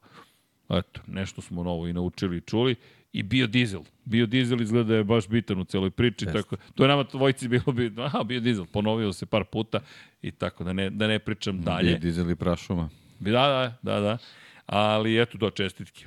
Da se malo, eto, pozabavimo i tom temom. Eto. I konstatovali smo što se tiče Italijana, nema ih nigde. Što se tiče nekih drugih vozača, pohvale što se Munjuz vraća polako ali sigurno u formu. Istekao bih iskreno ponovo Colina Vejera. Dakle, posle pada povrede, peta pozicija za Vejera. Deki, meni on sada već deluje kao član te grupe vozača od kojih zaista možemo mnogo da očekujemo. Ne znam šta možemo od Kajta Tobe da očekujemo. Bio je sedmi u Barceloni, šesti sada u Mizanu, jeste Sić 58 ekipa, iza njega iza Ricarda Rosija jedan poseban moment, motiv postoji, voziš na stazi. Marko Simoncelli, za one koji ne znaju, pročitajte o Marko Simoncelli, zaista kultna ličnost, šampion sveta 2008. godine, bio u tada srednjoj klasi od 250 kubika dotaknih motora, legenda postao zahvaljujući svojim, svojoj frizori svakako ponašanju, odmetničkom, odmetničkoj vožnji, bio je vrlo agresivan vozač, na Gileri osvojio titulu i iznenadio Alvara Bautistu. S druge strane, Hiroshi Oyama njih sve iznenadio naredne godine. Na Honda osvojio titulu poslednju 250-icama, stigao u Moto Grand Prix klasu, vozio za Fausta Gresinija, za Hondu, imao, imali su ogromnu podršku i velike sponzore i baš velike ambicije za ono što, što je dolazilo. Nažalost, izgubio život 2011. godine u Maleziji, uskoro će i još jedna godišnjica, 12 godina prođe od onda, nevjerovatno. Ali Marko Simoncelli je sada naziv staze u Mizanu i lepo je što su mu odali tu vrstu počasti. Kažem, Sić 58 ekipa, njegov otac Paolo Simoncelli je vodi i svaki put kada dođemo u Mizano, ne zaboravite Tatsuki Suzuki ovde pobedio u tim bojama i to je neko taj lep moment, pa tako da ne znam da li je Kaito Toba bio šesti inspirisan time, ali eto, sedmi pa šesti, pa eto, držimo neko, opet palčeve, udri za palčeve, da je to taj moment u kojem je Kaito Toba ponovo otkrio svoju dobru formu i da ćemo tek da gledamo pozitivne stvari kada je reč o Kajtu Tobi. I kada pričamo o stazi Marko Simoncelli i italijanima, italijani proslaviše titulu u šampionatu sveta u električnim motociklima. Dakle, da, Deki se nasmejao, ali vidi, titula je titula. Matija Kasadej, na kraju pečatljivo, 260 pojena, da neko nije gledao sezonu, pomislio, boj, dečko lako svoju titulu, 217 za drugo Nije bilo dobro Torresa. raspoređeno. Da, da, da. I 216 za Mateja Ferrarija koji je uspeo da otme medalju Hektoru Garzu koji ima poen manje, ali četvrti je, nema medalje. Osim drvene medalje koju dobijete u Italiji. A lepo su podelili Matija Kasadej i Nikola Spinelli pobede. I jedan i drugi vozači Ponsa, pri čemu Spinelli ušao u dobru formu, dva treće mesta jedna pobeda. Generalno ne bih previše opisivao trku, samo eto, mislim da je najvažnija ta konstatacija da smo dobili novog šampiona sveta moto je kategorije. Završena sezona, počela u Lemanu, završila se evo u Mizanu, osam trkačkih vikenda, ukupno 16 trka. Sjajna završnica Da. Kasadeja. Jeste, baš To je to. bio dobar. A, šampionska baš. E, Torres s druge strane suprotno tome, Pa do, nemaš svake godine. tako je. Ne, bukvalno. Ali pazi, on je pao u Barceloni, dakle, od svih staza, To je- čovjek nigde ne pada, tamo padne. Prelomilo sve. Baš je prelomilo, ali dobro. Deo života, deo zabave. Deki, jesmo nešto zaboravili? Pa nadam se da nismo, ja sam se nešto malo do ove klime izgleda. Da. E, Pa dobro. nadam se da je to to, da. E, rezervni internet je odradio Da. svoj deo Izgurao posla. Vidim da se niko ne žali, Dobro. tako da... Imali smo, da slavi se tamo na trgu, ili gde već. U svakom slučaju, Stvarno? Još traje? ne znam, možda i ne, pa koliko trajemo ne traje. Jao. da. da, da, pozdrav. Pozdrav svima. Mm, Da, moto je kategorija, dobro, zabavna je. Okay. Ma dobro, da, Napredak. vidjet ćemo da, li- da li će neki napredak da se napravi sledeće godine, ali ono što sam i na početku ove rekao, ajde sad došao je Ducati, super, ali mislim da moraju neka zvučnija imena da budu tu, da bi se to malo ovaj, podiglo na neki više nivo u smislu nekog interesovanja i gledalaca i generalno interesovanja samog samog organizatora da malo to podigne na neki više nivo, ali sad je jako teško verovatno i pronaći vozače koji su zainteresovani iskreno nema. da se da se pojave Nema trkava fame oko toga. koje traju 8-9 krugova, nemaš krug za zagrevanje. A koliko imaš publike? Pa i to. Nema to, nikoga, znaš, k- koliko god da, da, da u celoj priči ti Bukvalno želiš... ta, e, moto je šampionat ima ima sudbinu tih pratećih šampionata u Formuli 1. e, to je da. bukvalno na taj način nekako ustrojeno. Sad me podsjeti, Ajani, pozdrav, dakle, spominju žutu boju. To sam hteo malo pre da te pitam. Ducati u žutoj boji. Meni se ne sviđa. Meni se nije svidela nijansa žute te boje. Meni se ne sviđa generalno. Generalno da se pojavi tako. Ne znam zašto uopšte šta. Pa to je kao italijanska ta žuta, okej, ali ja ne moram ti priznati da meni to To nije ne kao znam, ja znam da britanska je trkačka zelena. Njihova crvena je trkačka crvena, ali tako? Ako Pa, se dobro sećam. Da, ali bi, okej, bio je Ducati u Znači, je žutim neka, bojama. neka bolonja žuta ili Ne, oni imaju onu modena, mod, modena, modena, žutu. Modena žuta. Da, modena žuta, ali, Da, pojma. znaš, nekako... Baš mi nešto. Bilo mi I, i u tom nekom dizajnu na- sa tim sponzorima, mi nešto sve mi bilo. je onako Ni, ne znam, meni, meni nije lepo. Niti, niti mi se, su mi se sviđali, nismo ni pričali kombinezoni vozača Ferrarije, niti, ni to ovo, Da, ni, ni to onaj tribut nemačka zastava na, na, na Ferrariju. Meni on izgledalo kao nemačka zastava. No. Da, okej, žuto ima sa smisla to kad, tako, kad, kad ga tako predstaviš. Nemam pojma. Nismo ni pričali o tome. Nije Da, da, ni nismo, bitno, već, nismo. već je prošlo. Nije nešto da. je bilo pozitivno, bar je bio dobar rezultat za Ferrari. Pa eto, dobro. dobro. Ako misliš da je to to, dobro. A ne, vidi, neka Okej. uteha, nešto da potražimo u celoj Okej. priči. Deki, šta da ti kažem, ne znam, meni ovaj vikend bio baš uzbudljiv. Lep mi je bio vikend. Bo, Po i meni imali smo ovaj, druženje na ovom prostoru i Jest. lepe trke koje sam gledao odloženo, pošto nisam mogao da... e, moram ti kažem, ali stvarno, spomenjali bilo smo te. super, Bilo super. Spomenjali smo Super, te, rekli super. smo Deki, da nije bilo Dekija... A Uh. dobro, nije baš tako, ali super, super, baš je ovako lepo. Lepo sad, eto, krećemo, tek vidjet ćemo. Da, naravno. Krećemo neku novu akciju, vidjet ćete, čućete, nadam se, to je sada deo Gastro Šora, tako se zove taj deo, to je Luka Beograd. Da nas pitate odakle nam ta ideja, reći ću vam, milioni ideja smo mi imali tokom decenije, decenije i godina, ali nekako su se, pot... znate, kada, se, kada se sklope neke zvezde, bukvalno, otvorila se prilika, ukazala mogućnost i mi smo kao i uvek do sada rekli hop, ali ovog puta čak nisam, nije, nije, nije bilo samo u mojoj glavi. Svima nam je glava bila spremna za skok, pa eto, sad ćemo da mašemo. da mašemo i da mašemo. E, deki, jesmo zaboravili? Smo Superbike zaboravili.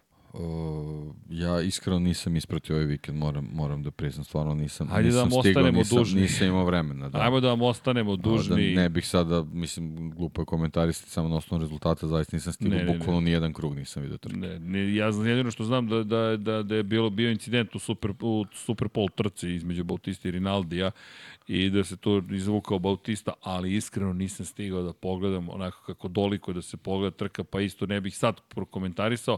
Ako nije problem da molimo vas, ostavimo to za za, za sledeći put. Komentar, jedino što razgatli oglu je odradio super posao, ajde. Dve pobede do drugo mesto i što je razlika 57 poena u šampionatu, što nije nenadoknadivo u celoj priči i što je Johnny Rea nastavio da ređe treće pozicije. Dakle, to je ono standardno otprilike. Ali ajte, molim vas da, evo, ne zamerite, iskreni smo, nis, ja, ja inače u, u četiri popodne, posle trke Moto Grand Prix u nedelju, ćao.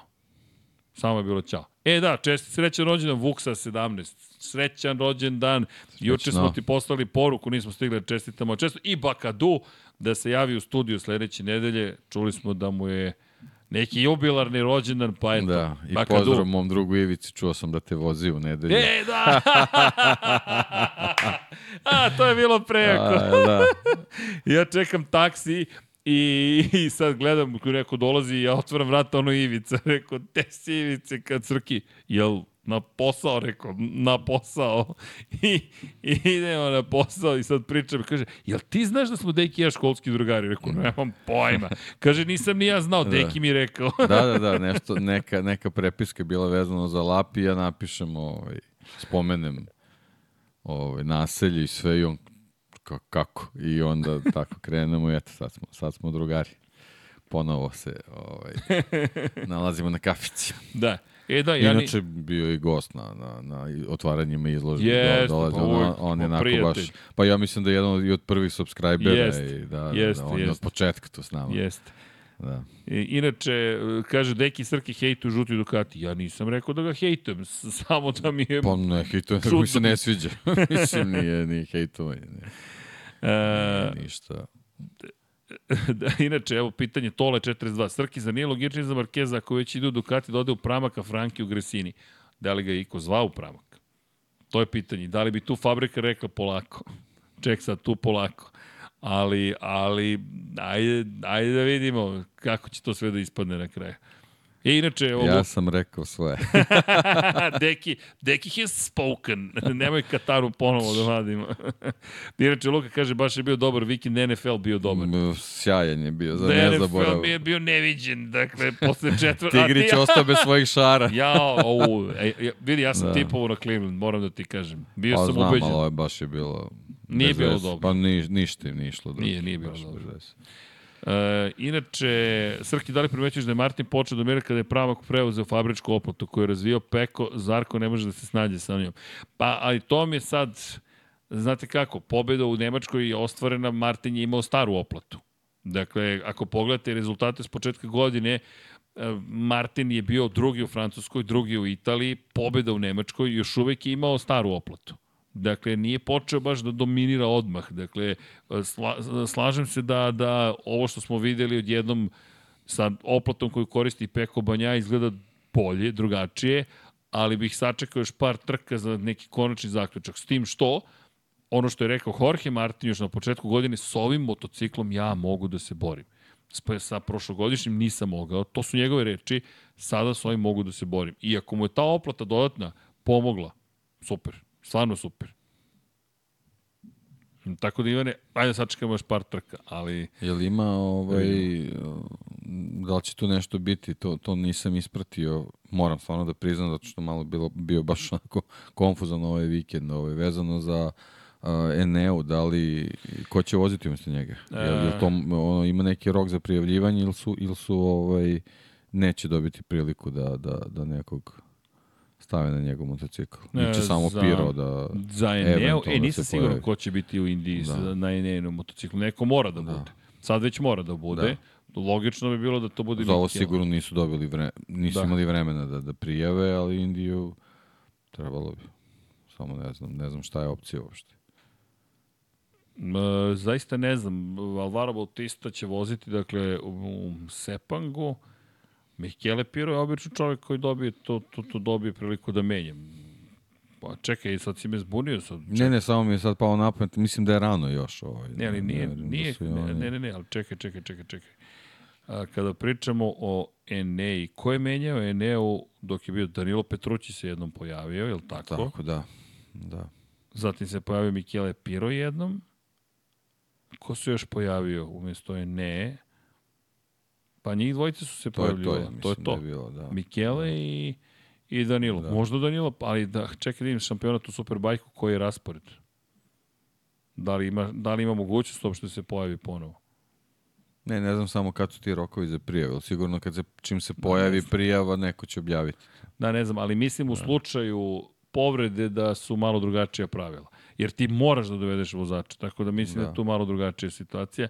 Čekaj da vidimo gde se poklapa šta. Pa ne, u- 23.. za, zato i mislim, zato što mislim da se već jednom desilo kad su bili vezani vikendi da oni nisu fizički mogli da stignu zato što postoji pravilo do kad možeš da prijaviš vozača. Da, e, Tako da je bilo ovaj, sad, sad sam i Nema, isto. nema nikoga iz Superbajka, Da. zato što tačno Aragon voze kada je Indija, a Portugal voze kada je Japan.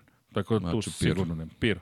Dakle, Piro najverovatniji, kad krene već u Indiji i Japanu, ti si u sedam dana ideš i voziš. I to bi bilo to.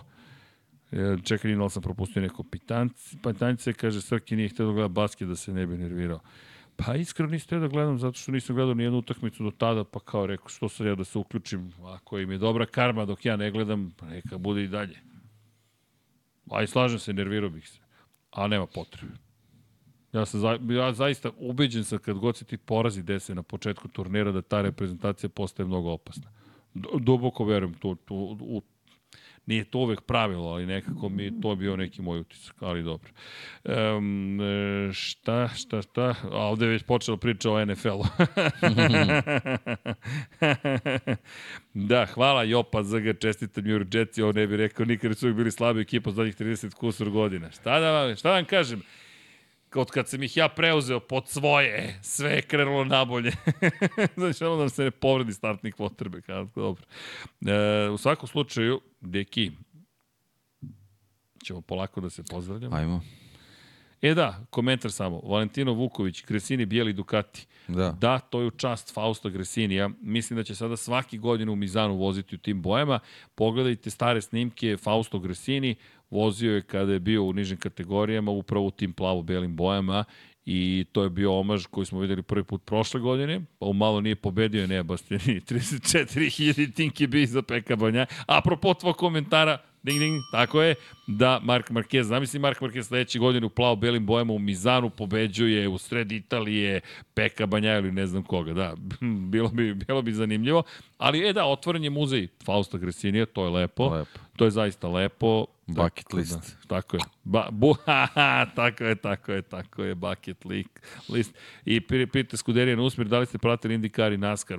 Vrlo malo mm. ovog vikenda. Verujte, ljudi, Ovaj vikend nam je bio... bio nam je, Pa da. ljudi nismo otišli u Mizanu. Na... Nismo otišli u ponedjeljče. verujte, nije, da bi, nije bilo šala. Mi bismo stvarno otišli, mi već juče fizički nismo mogli, na kraju se ispostavilo da je pozitivno samo iz te perspektive što nismo mogli, mada tamo bismo imali, tamo bismo mogli da gledamo i mogli bismo da ne, radimo... ne, definitivno podcast. zbog svega ovoga ja, ono što smo i pričali, ja više, više bih volao sam išao na to nego na neku trku, tako da, ali jednostavno bilo je stvarno fizički Opa, evo ga poziv, hoćemo da skoknemo Indiju, da bude live. časkom, da, da, da, da.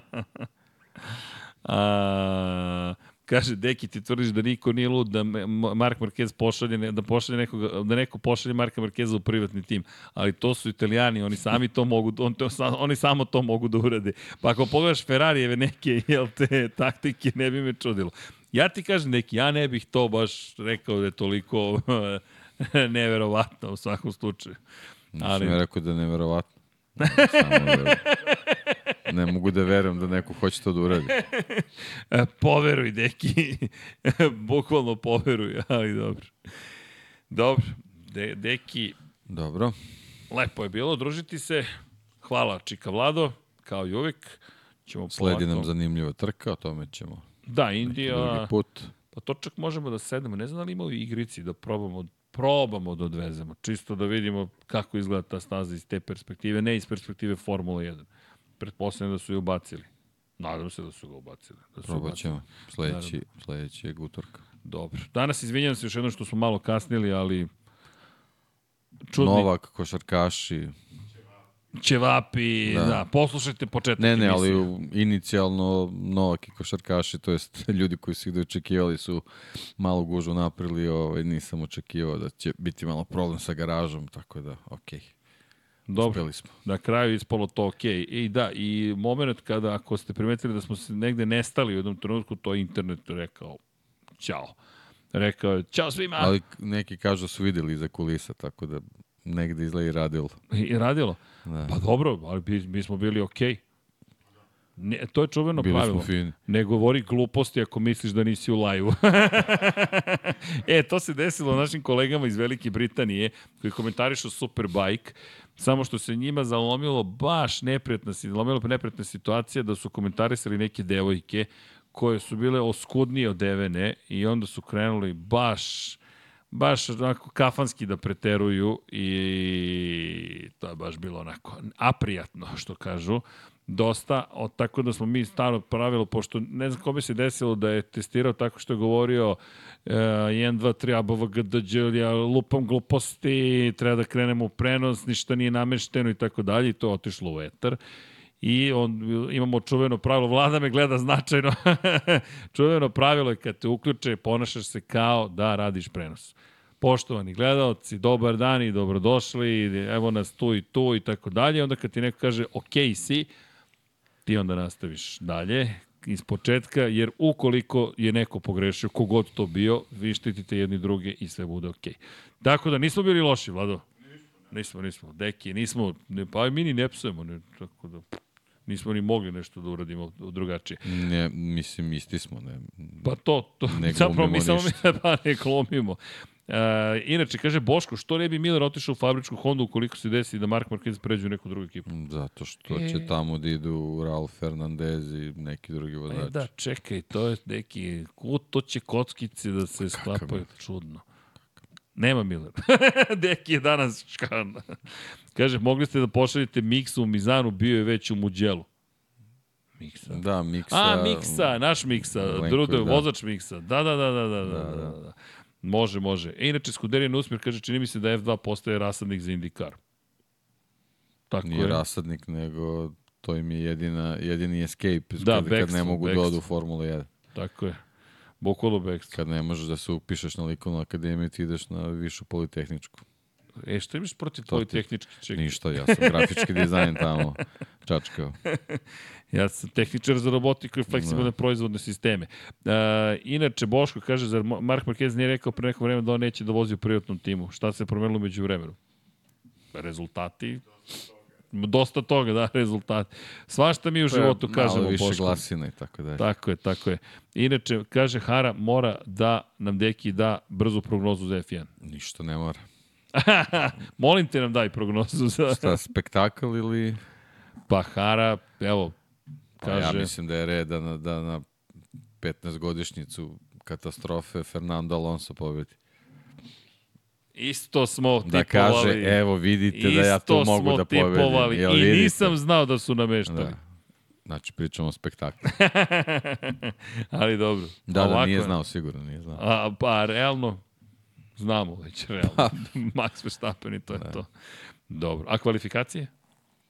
To će bude zanimljivo. Pa bit će zanimljivo, mislim da je Maxu jako važno da, da mm. -hmm. osvoji pol poziciju ovde. Dobro. Dobro. Vlado, polako li sigurno... Hit it. E, ne, ne, ne, ne, ne, ne, ne, ne, ne. Znaš šta smo zaboravili? Deki, juče sam to zaboravio. Kako možemo to da zaboravimo? Tako je, Vlado. Vlada je naučio fantazi. O, ja sam loš. Ja nemam pojma koga O, sam ja stavio. sam Znam da loš. smo nešto menjali. Ja nisam za ništa malo menjao da i zato sam loš. fantazi. Da, da, da. Jao, za malo da zaboravim fantazi. Ja sam imao Aleksa Markeza, Marka Becekija, Eneu Bastianinija i Augusto Da, Fernandez. znači update ovo si za... Jako, dobro.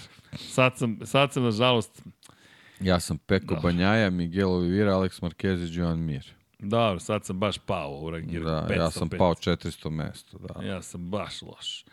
Alex, ajde što sam ostavio Eneu, nego Alex odvezao loše. Da, i koga sad da ubacim? Čekaj. Koga da ubacuješ sad za, za, za Indiju? Pa, nemam Šta pojma. imaš da ubacuješ, to je to. Samo izbaci je Neo. Da izbacim Eneu. Znaš koga ću da ubacim? Miguel Oliveiru. Ja mislim da Kakva tišina. Tišina potpuna, ne, ne, ne, ne. Make trade. Ja, confirm trade. Dobro, ajde. Eto ga, Miguel Oliveira. Tadadadam. Inače, ja sam trenutno 505. u šampionatu našem. U, našem. čekaj, onda moram da pogledam. Stavno. A, sad, sad, sad. Jedno je zanimljivo postalo. Mislim da nisam toliko loš. Ja, ja sam ovim, a, koliko sam poena izgubio, dobro. Bar sam 20 mesta ispred tebe. Ba, Čekaj koliko da sam poena? 111 Čekaj, čekaj. u ovom vikendu. Ja, boli mi mozak. Dobro. Pa tako se meni desio kiks kad sam Oliviru zaboravio da izbacim kad se povredio i to je to. Nisam zadovoljan. A, Ligu, Leagues, koji su Moto Grand Prix, Lap 76 zvanični, 500 ti okruglo. A ja sam 5-0-0.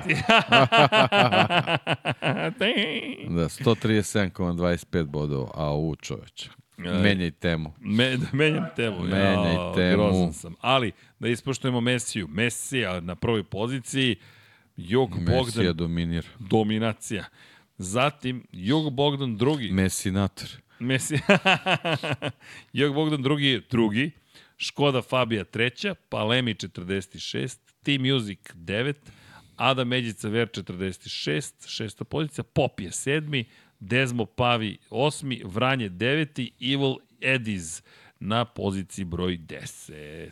To je rezultat trenutno u fantaziju, pa ladna voda, aj malo da dodamo još, Agent 007, 1609, Kostići, Ordanić 1, to su pozicije vodećih 15. Učesnika u fantaziju. čast. Svaka čast, stvarno svaka čast. Čini Messin tim. Mesija, Jorge Martin, Maverick Vinales, Marko Beceki, Francesco Banja. Svaka aj, čast. aj, aj, aj. Aj, aj, aj. Baš ono, od Ozbiljno prvih, se posvetio. Vozi, od prvih pet ti imaš četiri vozača u prvih, od prvih pet i imaš Danija koji Meni ti se tu to nikad nije desilo. ja koga U stavim... istoriji. Nema tu, to.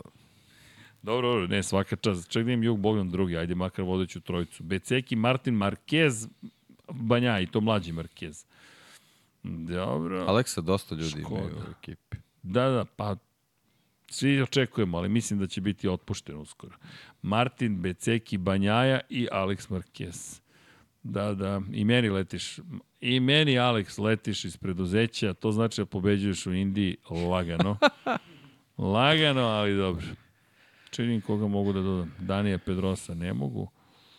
Znaš šta, ja ću da verujem. Potpuna vera u Apriline vozače. Make trade. Maverick Vinales. Tako je. Gotovo. Idemo dalje. Ja sam svoje rekao. Pa sad, znate za koga da, na koga da ne tipujete za sledeću trku. Dobro, da, to sam zaboravio, vidiš. A, to ne smemo da zaboravimo, jer fantazi mora da se ispoštuje. A ne smo ni patrene da A zaboravimo. ne, samo ni patron da zaboravili i nemoj da brineš. Šta je sada, uh, što to što, že, šta je sada Kotor? Ne, ne razumem. Knights of the Old Republic bi bio Kotor. Kotor, Kotor, Mijedra Kotor je i je čovek koji je vodio, še bio šef logistike Ferrari, je trenutno izvršni direktor Leopard Racinga. Da, Uh, pa ne idem na pobede, gde idem na pobede? E, moj Marini, ideš van. I opa Zege. e, Boško kaže, skoro 170 pojena po, po pokidao je to. Idu dva programera, ovaj aha, ovaj, dobro. Moki Alex, dobro, ne, tako, ne, dobro, nije, nije loša šala. Kakva je e, situacija s Martinom Vogrenicom? Martin vozi e, šampionat, e, vozit će Boldor, to smo rekli prošlog puta, ali tako, i nastupa u šampionatu Nemačke, koliko ja znam. A, inače, Boško, da ima osoba koja je pogodila, Olja je pogodila tačno vreme na prediktoru i čekamo sada da se jave iz TISOA da, da zapravo da vidimo da li će dobiti zaista sat. Ako ne dobije sat, ako se ne jave, pa onda ima, ima na, na vezu zovemo Dorno, da pitamo ljudi o čemu se radi i zašto, zašto devojka nije dobila zašto devojka nije dobila sat koji je obećan, tako da znate. Eto, to je, to je, tako da je to prva osoba koju ja znam da je da je zapravo dobila, pogodila u, u milisekund i nadam se iskreno da će joj dati sat zato što ga je zaslužila. Eto, to, tako da izveštavaćemo ćemo se o tome šta se događa. Uh, gdje smo komentarisali ko je krivo incidentu Tulović Gevara. E, nisam ga ponovo pogledao, tole, tako da, ajde da pogledam još jednom pa da vidimo ko je tu pogrešen. Svako je ozbiljan trkački incident, ali da vidimo još jednom, da ispogledamo iz svake perspektive pa da kažemo, nisam, se, nisam, nisam stigao, zaboravio sam iskreno da se vratim, tako da hvala za pitanje. Deki, Ako nastavimo, točka ćemo Zakašljaćemo ponovo pomoć, pomoć. A deluješ mi da, da, da Nešto smo te steglo, prehladili. da.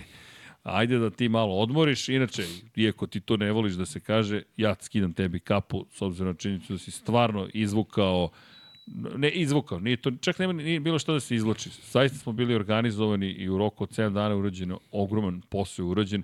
Deki je čovek koji je zaista povukao najviše i odradio najviše i samo to hoću da se zna. Vlado muzika je bila U, bilo je kidanje. super, da. Dakle, stvarno. Da, da, da, Znaš da. kako, ljudi, evo, aplauz za oba DJ-a, ali nije što su Mi naši... izvini što smo zaboravili, da, ali, evo, nije, toliko strava, bilo strava, dobro, ne, tako ne, se sve je uklopilo, nikom ništa, sve, super. Pozdravi za, kako se zove čovjek iz Obrenovca? Što je obezbedio binu? Iz Obrenovca? Srećko. Srećko, Pozdrav za Srećko. Srećka iz Obrenovca. Kaže Srećko, eto, preporuka ko hoće da radi dobre bine, profesionalno i brzo. Došao čovjek za 15 minuta, montirao Montirao sve. binu, namestio sve. I ono što je najvažnije, što, što u principu ljudi kad se bave, ta, ne takvim, bilo kojim poslom, profesionalizam, ja ću biti tu za slučaj da se nešto desi, stvarno, mislim, svaka čast, zaista. Da, sve pohvale, tako da eto, samo smo hteli da podelimo sreću. A sve vas pozivamo kada budemo otvorili da nam se pridružite, pa da se radujemo svi zajedno nekim lepim novim stvarima, a i starim lepim stvarima. Tako da znate, studio će se u jednom momentu preseliti, ne još, mi to smo naučili, ne mora sve da se uradi za jedan dan. ne mora. Ne mora, ali ne mora ni da se uradi za hiljadu. E, u to ime je, želimo da vas pozdravimo. Kliknite like, share, subscribe, patreon.com kroz Infinity Lighthouse. Možete da nas posetite i kada je reče si dobro, deki. Da, da, bukvalno mi izgledaš kao da je sad već ali kreće baš frka. je onako u, u live-u. Znači, baš je u live-u. Dakle, da imamo e, viša sila vodi ka tome da ću možda čak i ja završiti pre porući. U svakom slučaju, shop.infinitylighthouse.com Mazite se i pazite se i budite dobri jedni prema drugima, vozite računa jedni o drugima i generalno trudite se da budete dobri. Samo završna reč, da ne zaboravimo čoveka, Mike Trimby je preminuo u petak u Mizanu, čovek koji je osnovao IRTU, to je međunarodno udruženje trkačkih timova, i to je zapravo kičma i nervni sistem zapravo kompletnog šampionata sveta u motociklizmu. Bernie Eccleston je bio vlasnik jedno vreme Moto Grand Prix, da se zvao samo sa šampionat sveta u motociklizmu. 92. je prodao svoja prava Carmelo Espeleti i kompaniji Dorna, koja je zapravo nasledila vrlo ozbiljno organizovan sistem koji je Mike Trimby osnovao i vodio. Trimby je čovek ko ostaje dubog traga u motociklizmu, samo da se razumemo, da imali su nesuglasice i vozači i timovi, pa i mi sa Majkom Trimbijem, ali sve su to minorne stvari u odnosu na ono što je čovjek stvorio. A stvorio je nešto bez čega danas ne bi funkcionisao šampionat. I to su oni ljudi u plavim košuljama, ponekad nas, vas iznerviraju svojim odlukama, ali samo uzmite obzir količinu stvari koje ti ljudi obavljaju, od homologacije, organizacije, sprovođenja dela, implementacije pravilnika, pisanja pravilnika, uticaja na pravilnik, da je to nešto što je nevidljiva sila koja zapravo vodi šampionat. Mike Trimby je dugi niz godina bio od 80 i ja mislim četvrte ili pete uključen u tu celu priču. Nažalost, preminuo je i saučešće porodici svakako, ali mislim da ga se treba setiti pošto je nemerljiv trag koji je ostavio iza sebe i prosto želim da iskoristim priliku eto da spomenem čoveka, ništa drugo. Nije bilo u nedelju minute ćutanja, nikad neću razumeti zašto se jednom organizuje minut ćutanja, ali to je neka druga tema, nije ni bitno. Bi- Trimbi je bitan, tako da nećete više imati priliku da vidite Trimbija na stazama, poput Charlie'a Whitinga, otprilike, iako nije bio direktor trke Mike Trimby, ali kao što je Charlie Whiting, Joe Bauer, to je ta ekipa ljudi stvarala nešto, tako je Bernie Eccleston i tamo ostavio trag pozitivan, organizaciono, i samo želim da kažem eto, da, da Majka Trimbija više nema, ali da ćemo mi svakako eto, zapamtiti još jedno ime i prezime još jednog čoveka kog smo izgubili. Neću da pričam o tome šta je prerano, mislim da svaki čovjek koliko god godine da ima i njegova porodica bi želeli još jedan dan, tako da nikad nije prekasno prerano. Ono što možda možemo da kažemo je da je imao jedan lep život i da je, to, da je čovjek koji je bukvalno živeo motociklizam preko 70 godina, a svogde je bio prisutan i kao da ima 45 otprilike, tako je izgledao. U svakom slučaju, Samo da je to poslednji pozdrav Majku Trimbiju, a vama želimo još jednom lepo veče, lep dan, gde god da ste, kada god da ovo slušate, gledate, želimo vam baš da vam bude lepo, mazite se, pazite se, budite dobri jedni prema drugima, vozite računa jedni drugima, a mi se zahvaljujemo posebno standardno našim Patreonima i članovima na YouTube-u. Čujemo se i vidimo se, nadam se uskoro i Zoomove ćemo sada najzad oživeti sad stvarno, jer najzad imamo neke stvari sređene i onda možemo još više da se zabavljamo, pa eto, toliko o tome, a vidimo se za 8 minuta da vam poželimo laku noć i kažemo odjevne reči, kojih je ukupno dve. Da krenemo, Vlado, u akciju, da se zahvalimo svim dragim ljudima. Alen Stojčić, Milan Milašević, Vladimir Filipović, Miloš Broćeta, Crnogorski džedaj, Stefan Ličina, Bojan Markov, Nenad Simić, Katarina, Ognjen Ungurjanović, Stefan Radosavljević, Antonio Novak, Dušan Ristić, Luka Savović, Aleksandar Jurić, Vladimir Petković, Nemanja Zagorac, Sean Hing, Mirina Živković, Deus Nikola, Živojin Petković, Nikola Marinković, Bahter Abdurmanov, Đole Bronkos, Đorđe Andrić, Branimir Rijevec, Luka Klaso, Nikola Božinović, Anonimus, Donatorus, Žarko Milić, Marko Petrekanović, Dejan Đokić, Marina Mihajlović, Miloš Rosandić, Nikola Grujičić, Mlađan Antić, Ivan, Novak Tomić, Ivan Simeunović, Vladan Miladinović,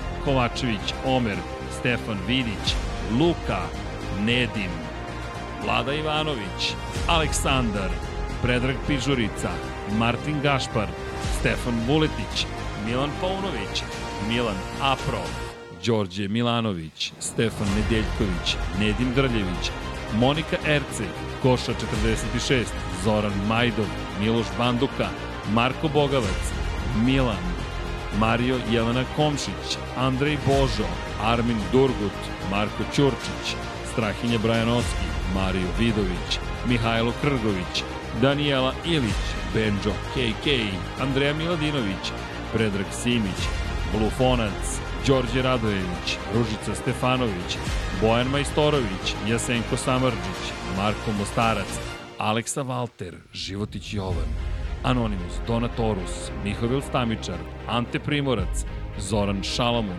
Boris Kujundžić, Aleksandar Radivojša, Nemanja Jeremić, Nenad Đorđević, Marko Horg, Ivica, Klub štovatelja Ramona Mireza, Inzulin 13, Branko Bisački, Đole Cheesehead, Ognjen Marinković, Nemanja, Milan Kića, Mladen Mladenović, Darko Trajković, Stevan Zekanović, Stefan Lešnjak, Nebojša Živanović, Marko Marković, Kristijan Šestak, Ivan Maksimović, Marko Kozić, Igor Jankovski, Matija Rajić, Toni Ruščić, Branislav Dević, Andreja Branković, Lazar Pejović, Laslo Boroš, Ferenc Laslofi, Aleksandar Milosavljević, Ivan Rebac, Dušan Delić, Lukas, Marko Radanović, Strahinja Blagojević, Zoltan Mezeji, Marko Kostić, Petar Nujić, Mladen Krstić, Igor Vučković, Ivan Panajotović, Andrej Bicok, Sava Dugi, Gloria Edson, Zorana Vidić, Boris Golubar, Đorđije Lopušina, Borko Božunović, Lazar Hristov, Aleksa Vučaj, Ivana, Kimi Rajkonen, Vojin Kostić, Bojan Bogdanović, Bojan Mijatović, Stefan Stanković, Bata Brada, Nikola Stojanović, Vladidov Dejv, Vučinić Miroslav, Ertan Prelić, Dragan Matić, Jugoslav Krasnić, Renata Neš, Luka Martinović, Vladimir Uskoković, Vukašin Jekić, Marin Antunović, Safet Isljami, Vamblisapa, Zoran Cimeša, Veselin Vukićević, Aleksandar Banovac, Ljubo Đurović, Optimistik, Josh Allen, Fan, Salim Okanović, Klara Gašpar, Anonimus, Donatorus, Mirina Kovačević, Miloš Dosadljević, LFC, Jovan Đodan, Tijena Vidanović, Nedo Lepanović, Ognjen Grgur, Šefko Ćehić, Džigi Bao, Borislav Vukojević, Aleksandar Mitrović, Ivan Maja Stanković, Đole QB4, Tina Ilija, Jugoslav Ilić, Stefan Milošević, Ivan Toškov, Stefan Prijović, Aleksandar Bobić, Matej Sopta, Pavle Nj, da žena ne sazna, Boris Erceg, Dušan Petrović, Lj. Đurović, Alen Vuletić, Miloš Vuletić, Danka, Zlatko Vasić, Emir Mešić, Ivan Ciger, Jasmina Pešić, Nemanja Miloradović, Branislav Kovačević, Milan Nešković, Damjan Veljanoski, Denis Špoljarić, Šmele, Ivan Rečević, Nemanja Labović, Bogdan Uzelac, Stefan Dulić, Andrija Todorović, Nenad Ivić, Stefan Janković, Dimitrije Mišić, Nikola Milosavljević, Jelena Jeremić, Aleksandar Antonović, Aleksandar Čučković, Miloš Rašić, Dejan Vujović, Aleksandar Anđelić, Luka Manitašević, Srđan Sivić, Branislav Marković, Ivan Milatović, Daniel Kolobarić, Dorijan Kablar, Neđo Mališić, Aca Vizla, Sead Šantić, Đorđica Martinović, Vladimir Mutić, Josip Kovačić, Miroslav Cvetić, Mladen Tešić, Vokašin Vučenović, Vladimir Jovanović, Grgo Živaljić, Jelena Veljković, Armin, Vladimir Stojadinov, Đerman, Miloš Todorov, Vuk Korać, Aleksa Lilić, Saša Ranisavljević, Jeca and Stefan, Jelena Mak, Borislav Jovanović, Marko Blagojević, Milan Ristić, Vanja Radulović, Fili, Igor Gašparević, Branislav Milošević, Branko Rašević, Uroš Ćosić, Resničanin, Bojan Gitarić, Ejhil, Stefan Škrbić, Slaven 84, Marina, Aleks Volović, Saša Stevanović, Maksi, Igor Ilić, Ivan Hornjak, Future, Graciano, Rossi, Branislav Dević, Jelena Jeremić, Domagoj Kovač, Kro Robi, 0-0, Bakadu, to, deki, Alen Jesenović, Ivan Božanić, Nikola Vulović, srećan rođendan, Zlatko Marić, korespondent, korespondent, Goran Mrđenović, Mađar, 007, Vlada Ivanović, Miloš Zed, LFC, Nikola Božović, Nemanja Bračko, Vladimir Subotić, Vladimir Vujičić, Ivan Magdelinić, Nikola Grđan, Škundra, Din Stero, Milanka Marunić, Ivan Vujasinović, Ljiljana Milutinović, Mateja Nenadović, Marko Bogavac, Dejan Janić, Vladan Miladinović, Tomić, Miloš, Uroš Čuturilo, Ivana Vesković, Pavle Lukić, Aleksandar Kockar, Divlji Bučak, Blagoj Ačevski, Đera 7, Marakos, Igor Ninić, Sejdo Mujčić, Nemanja Miloradović, Anonimus Donatorus, Vladan Đurić, Ada Sokolović, Milan Knežević, Vuk, Kosta Berić, Nikola Niksi, Aleksandar Nikolić, Galeksić, Nemanja Cimbaljević, Almir Vuk, Penđer, Aleksandar P, Bojan Markov, Ivan Vincetić, Omer Sarajlić, Đorđe Janjić, Drago Veković, Dejan Plackov, Plackov, Nikola Adamović, Oliver Nikolić, Mensur Kurtagić, Žika Su, Nemanja, Jovan Bojanić, Bruno Jurić, Josip Boljovčić, Marko Stojilković, Nedžad Mrakić, Milorad Reljić, Almedin Ahmetović, Pujo, Nikola Grujičić, Miloš Stanimirović, Nikola Kojić, Petar Bijelić, Vojislav Tadić, Srđan Ćirić, Toni Soni 76, Bojan Stanković, Ivan Doko, Žiksi, Tatjana Lemajić, Lazar Milentijević, Vukašin Vučenović i to bi bilo to. Deki, lep moment, Bakadu, pozivamo te u studio, Bakadu, ukoliko slušaš ovo uživo, pa recimo da treba da poljubiš nekoga i kažeš hvala, što, informišete ekipu Lab 76, Infinite Lighthouse, ne ne, vlada, vlada, daj dvopan, imam ideju. Jorge Martin najveći je car, najbrži je bio u Mizanu i danas. Razmeo sam Dekija.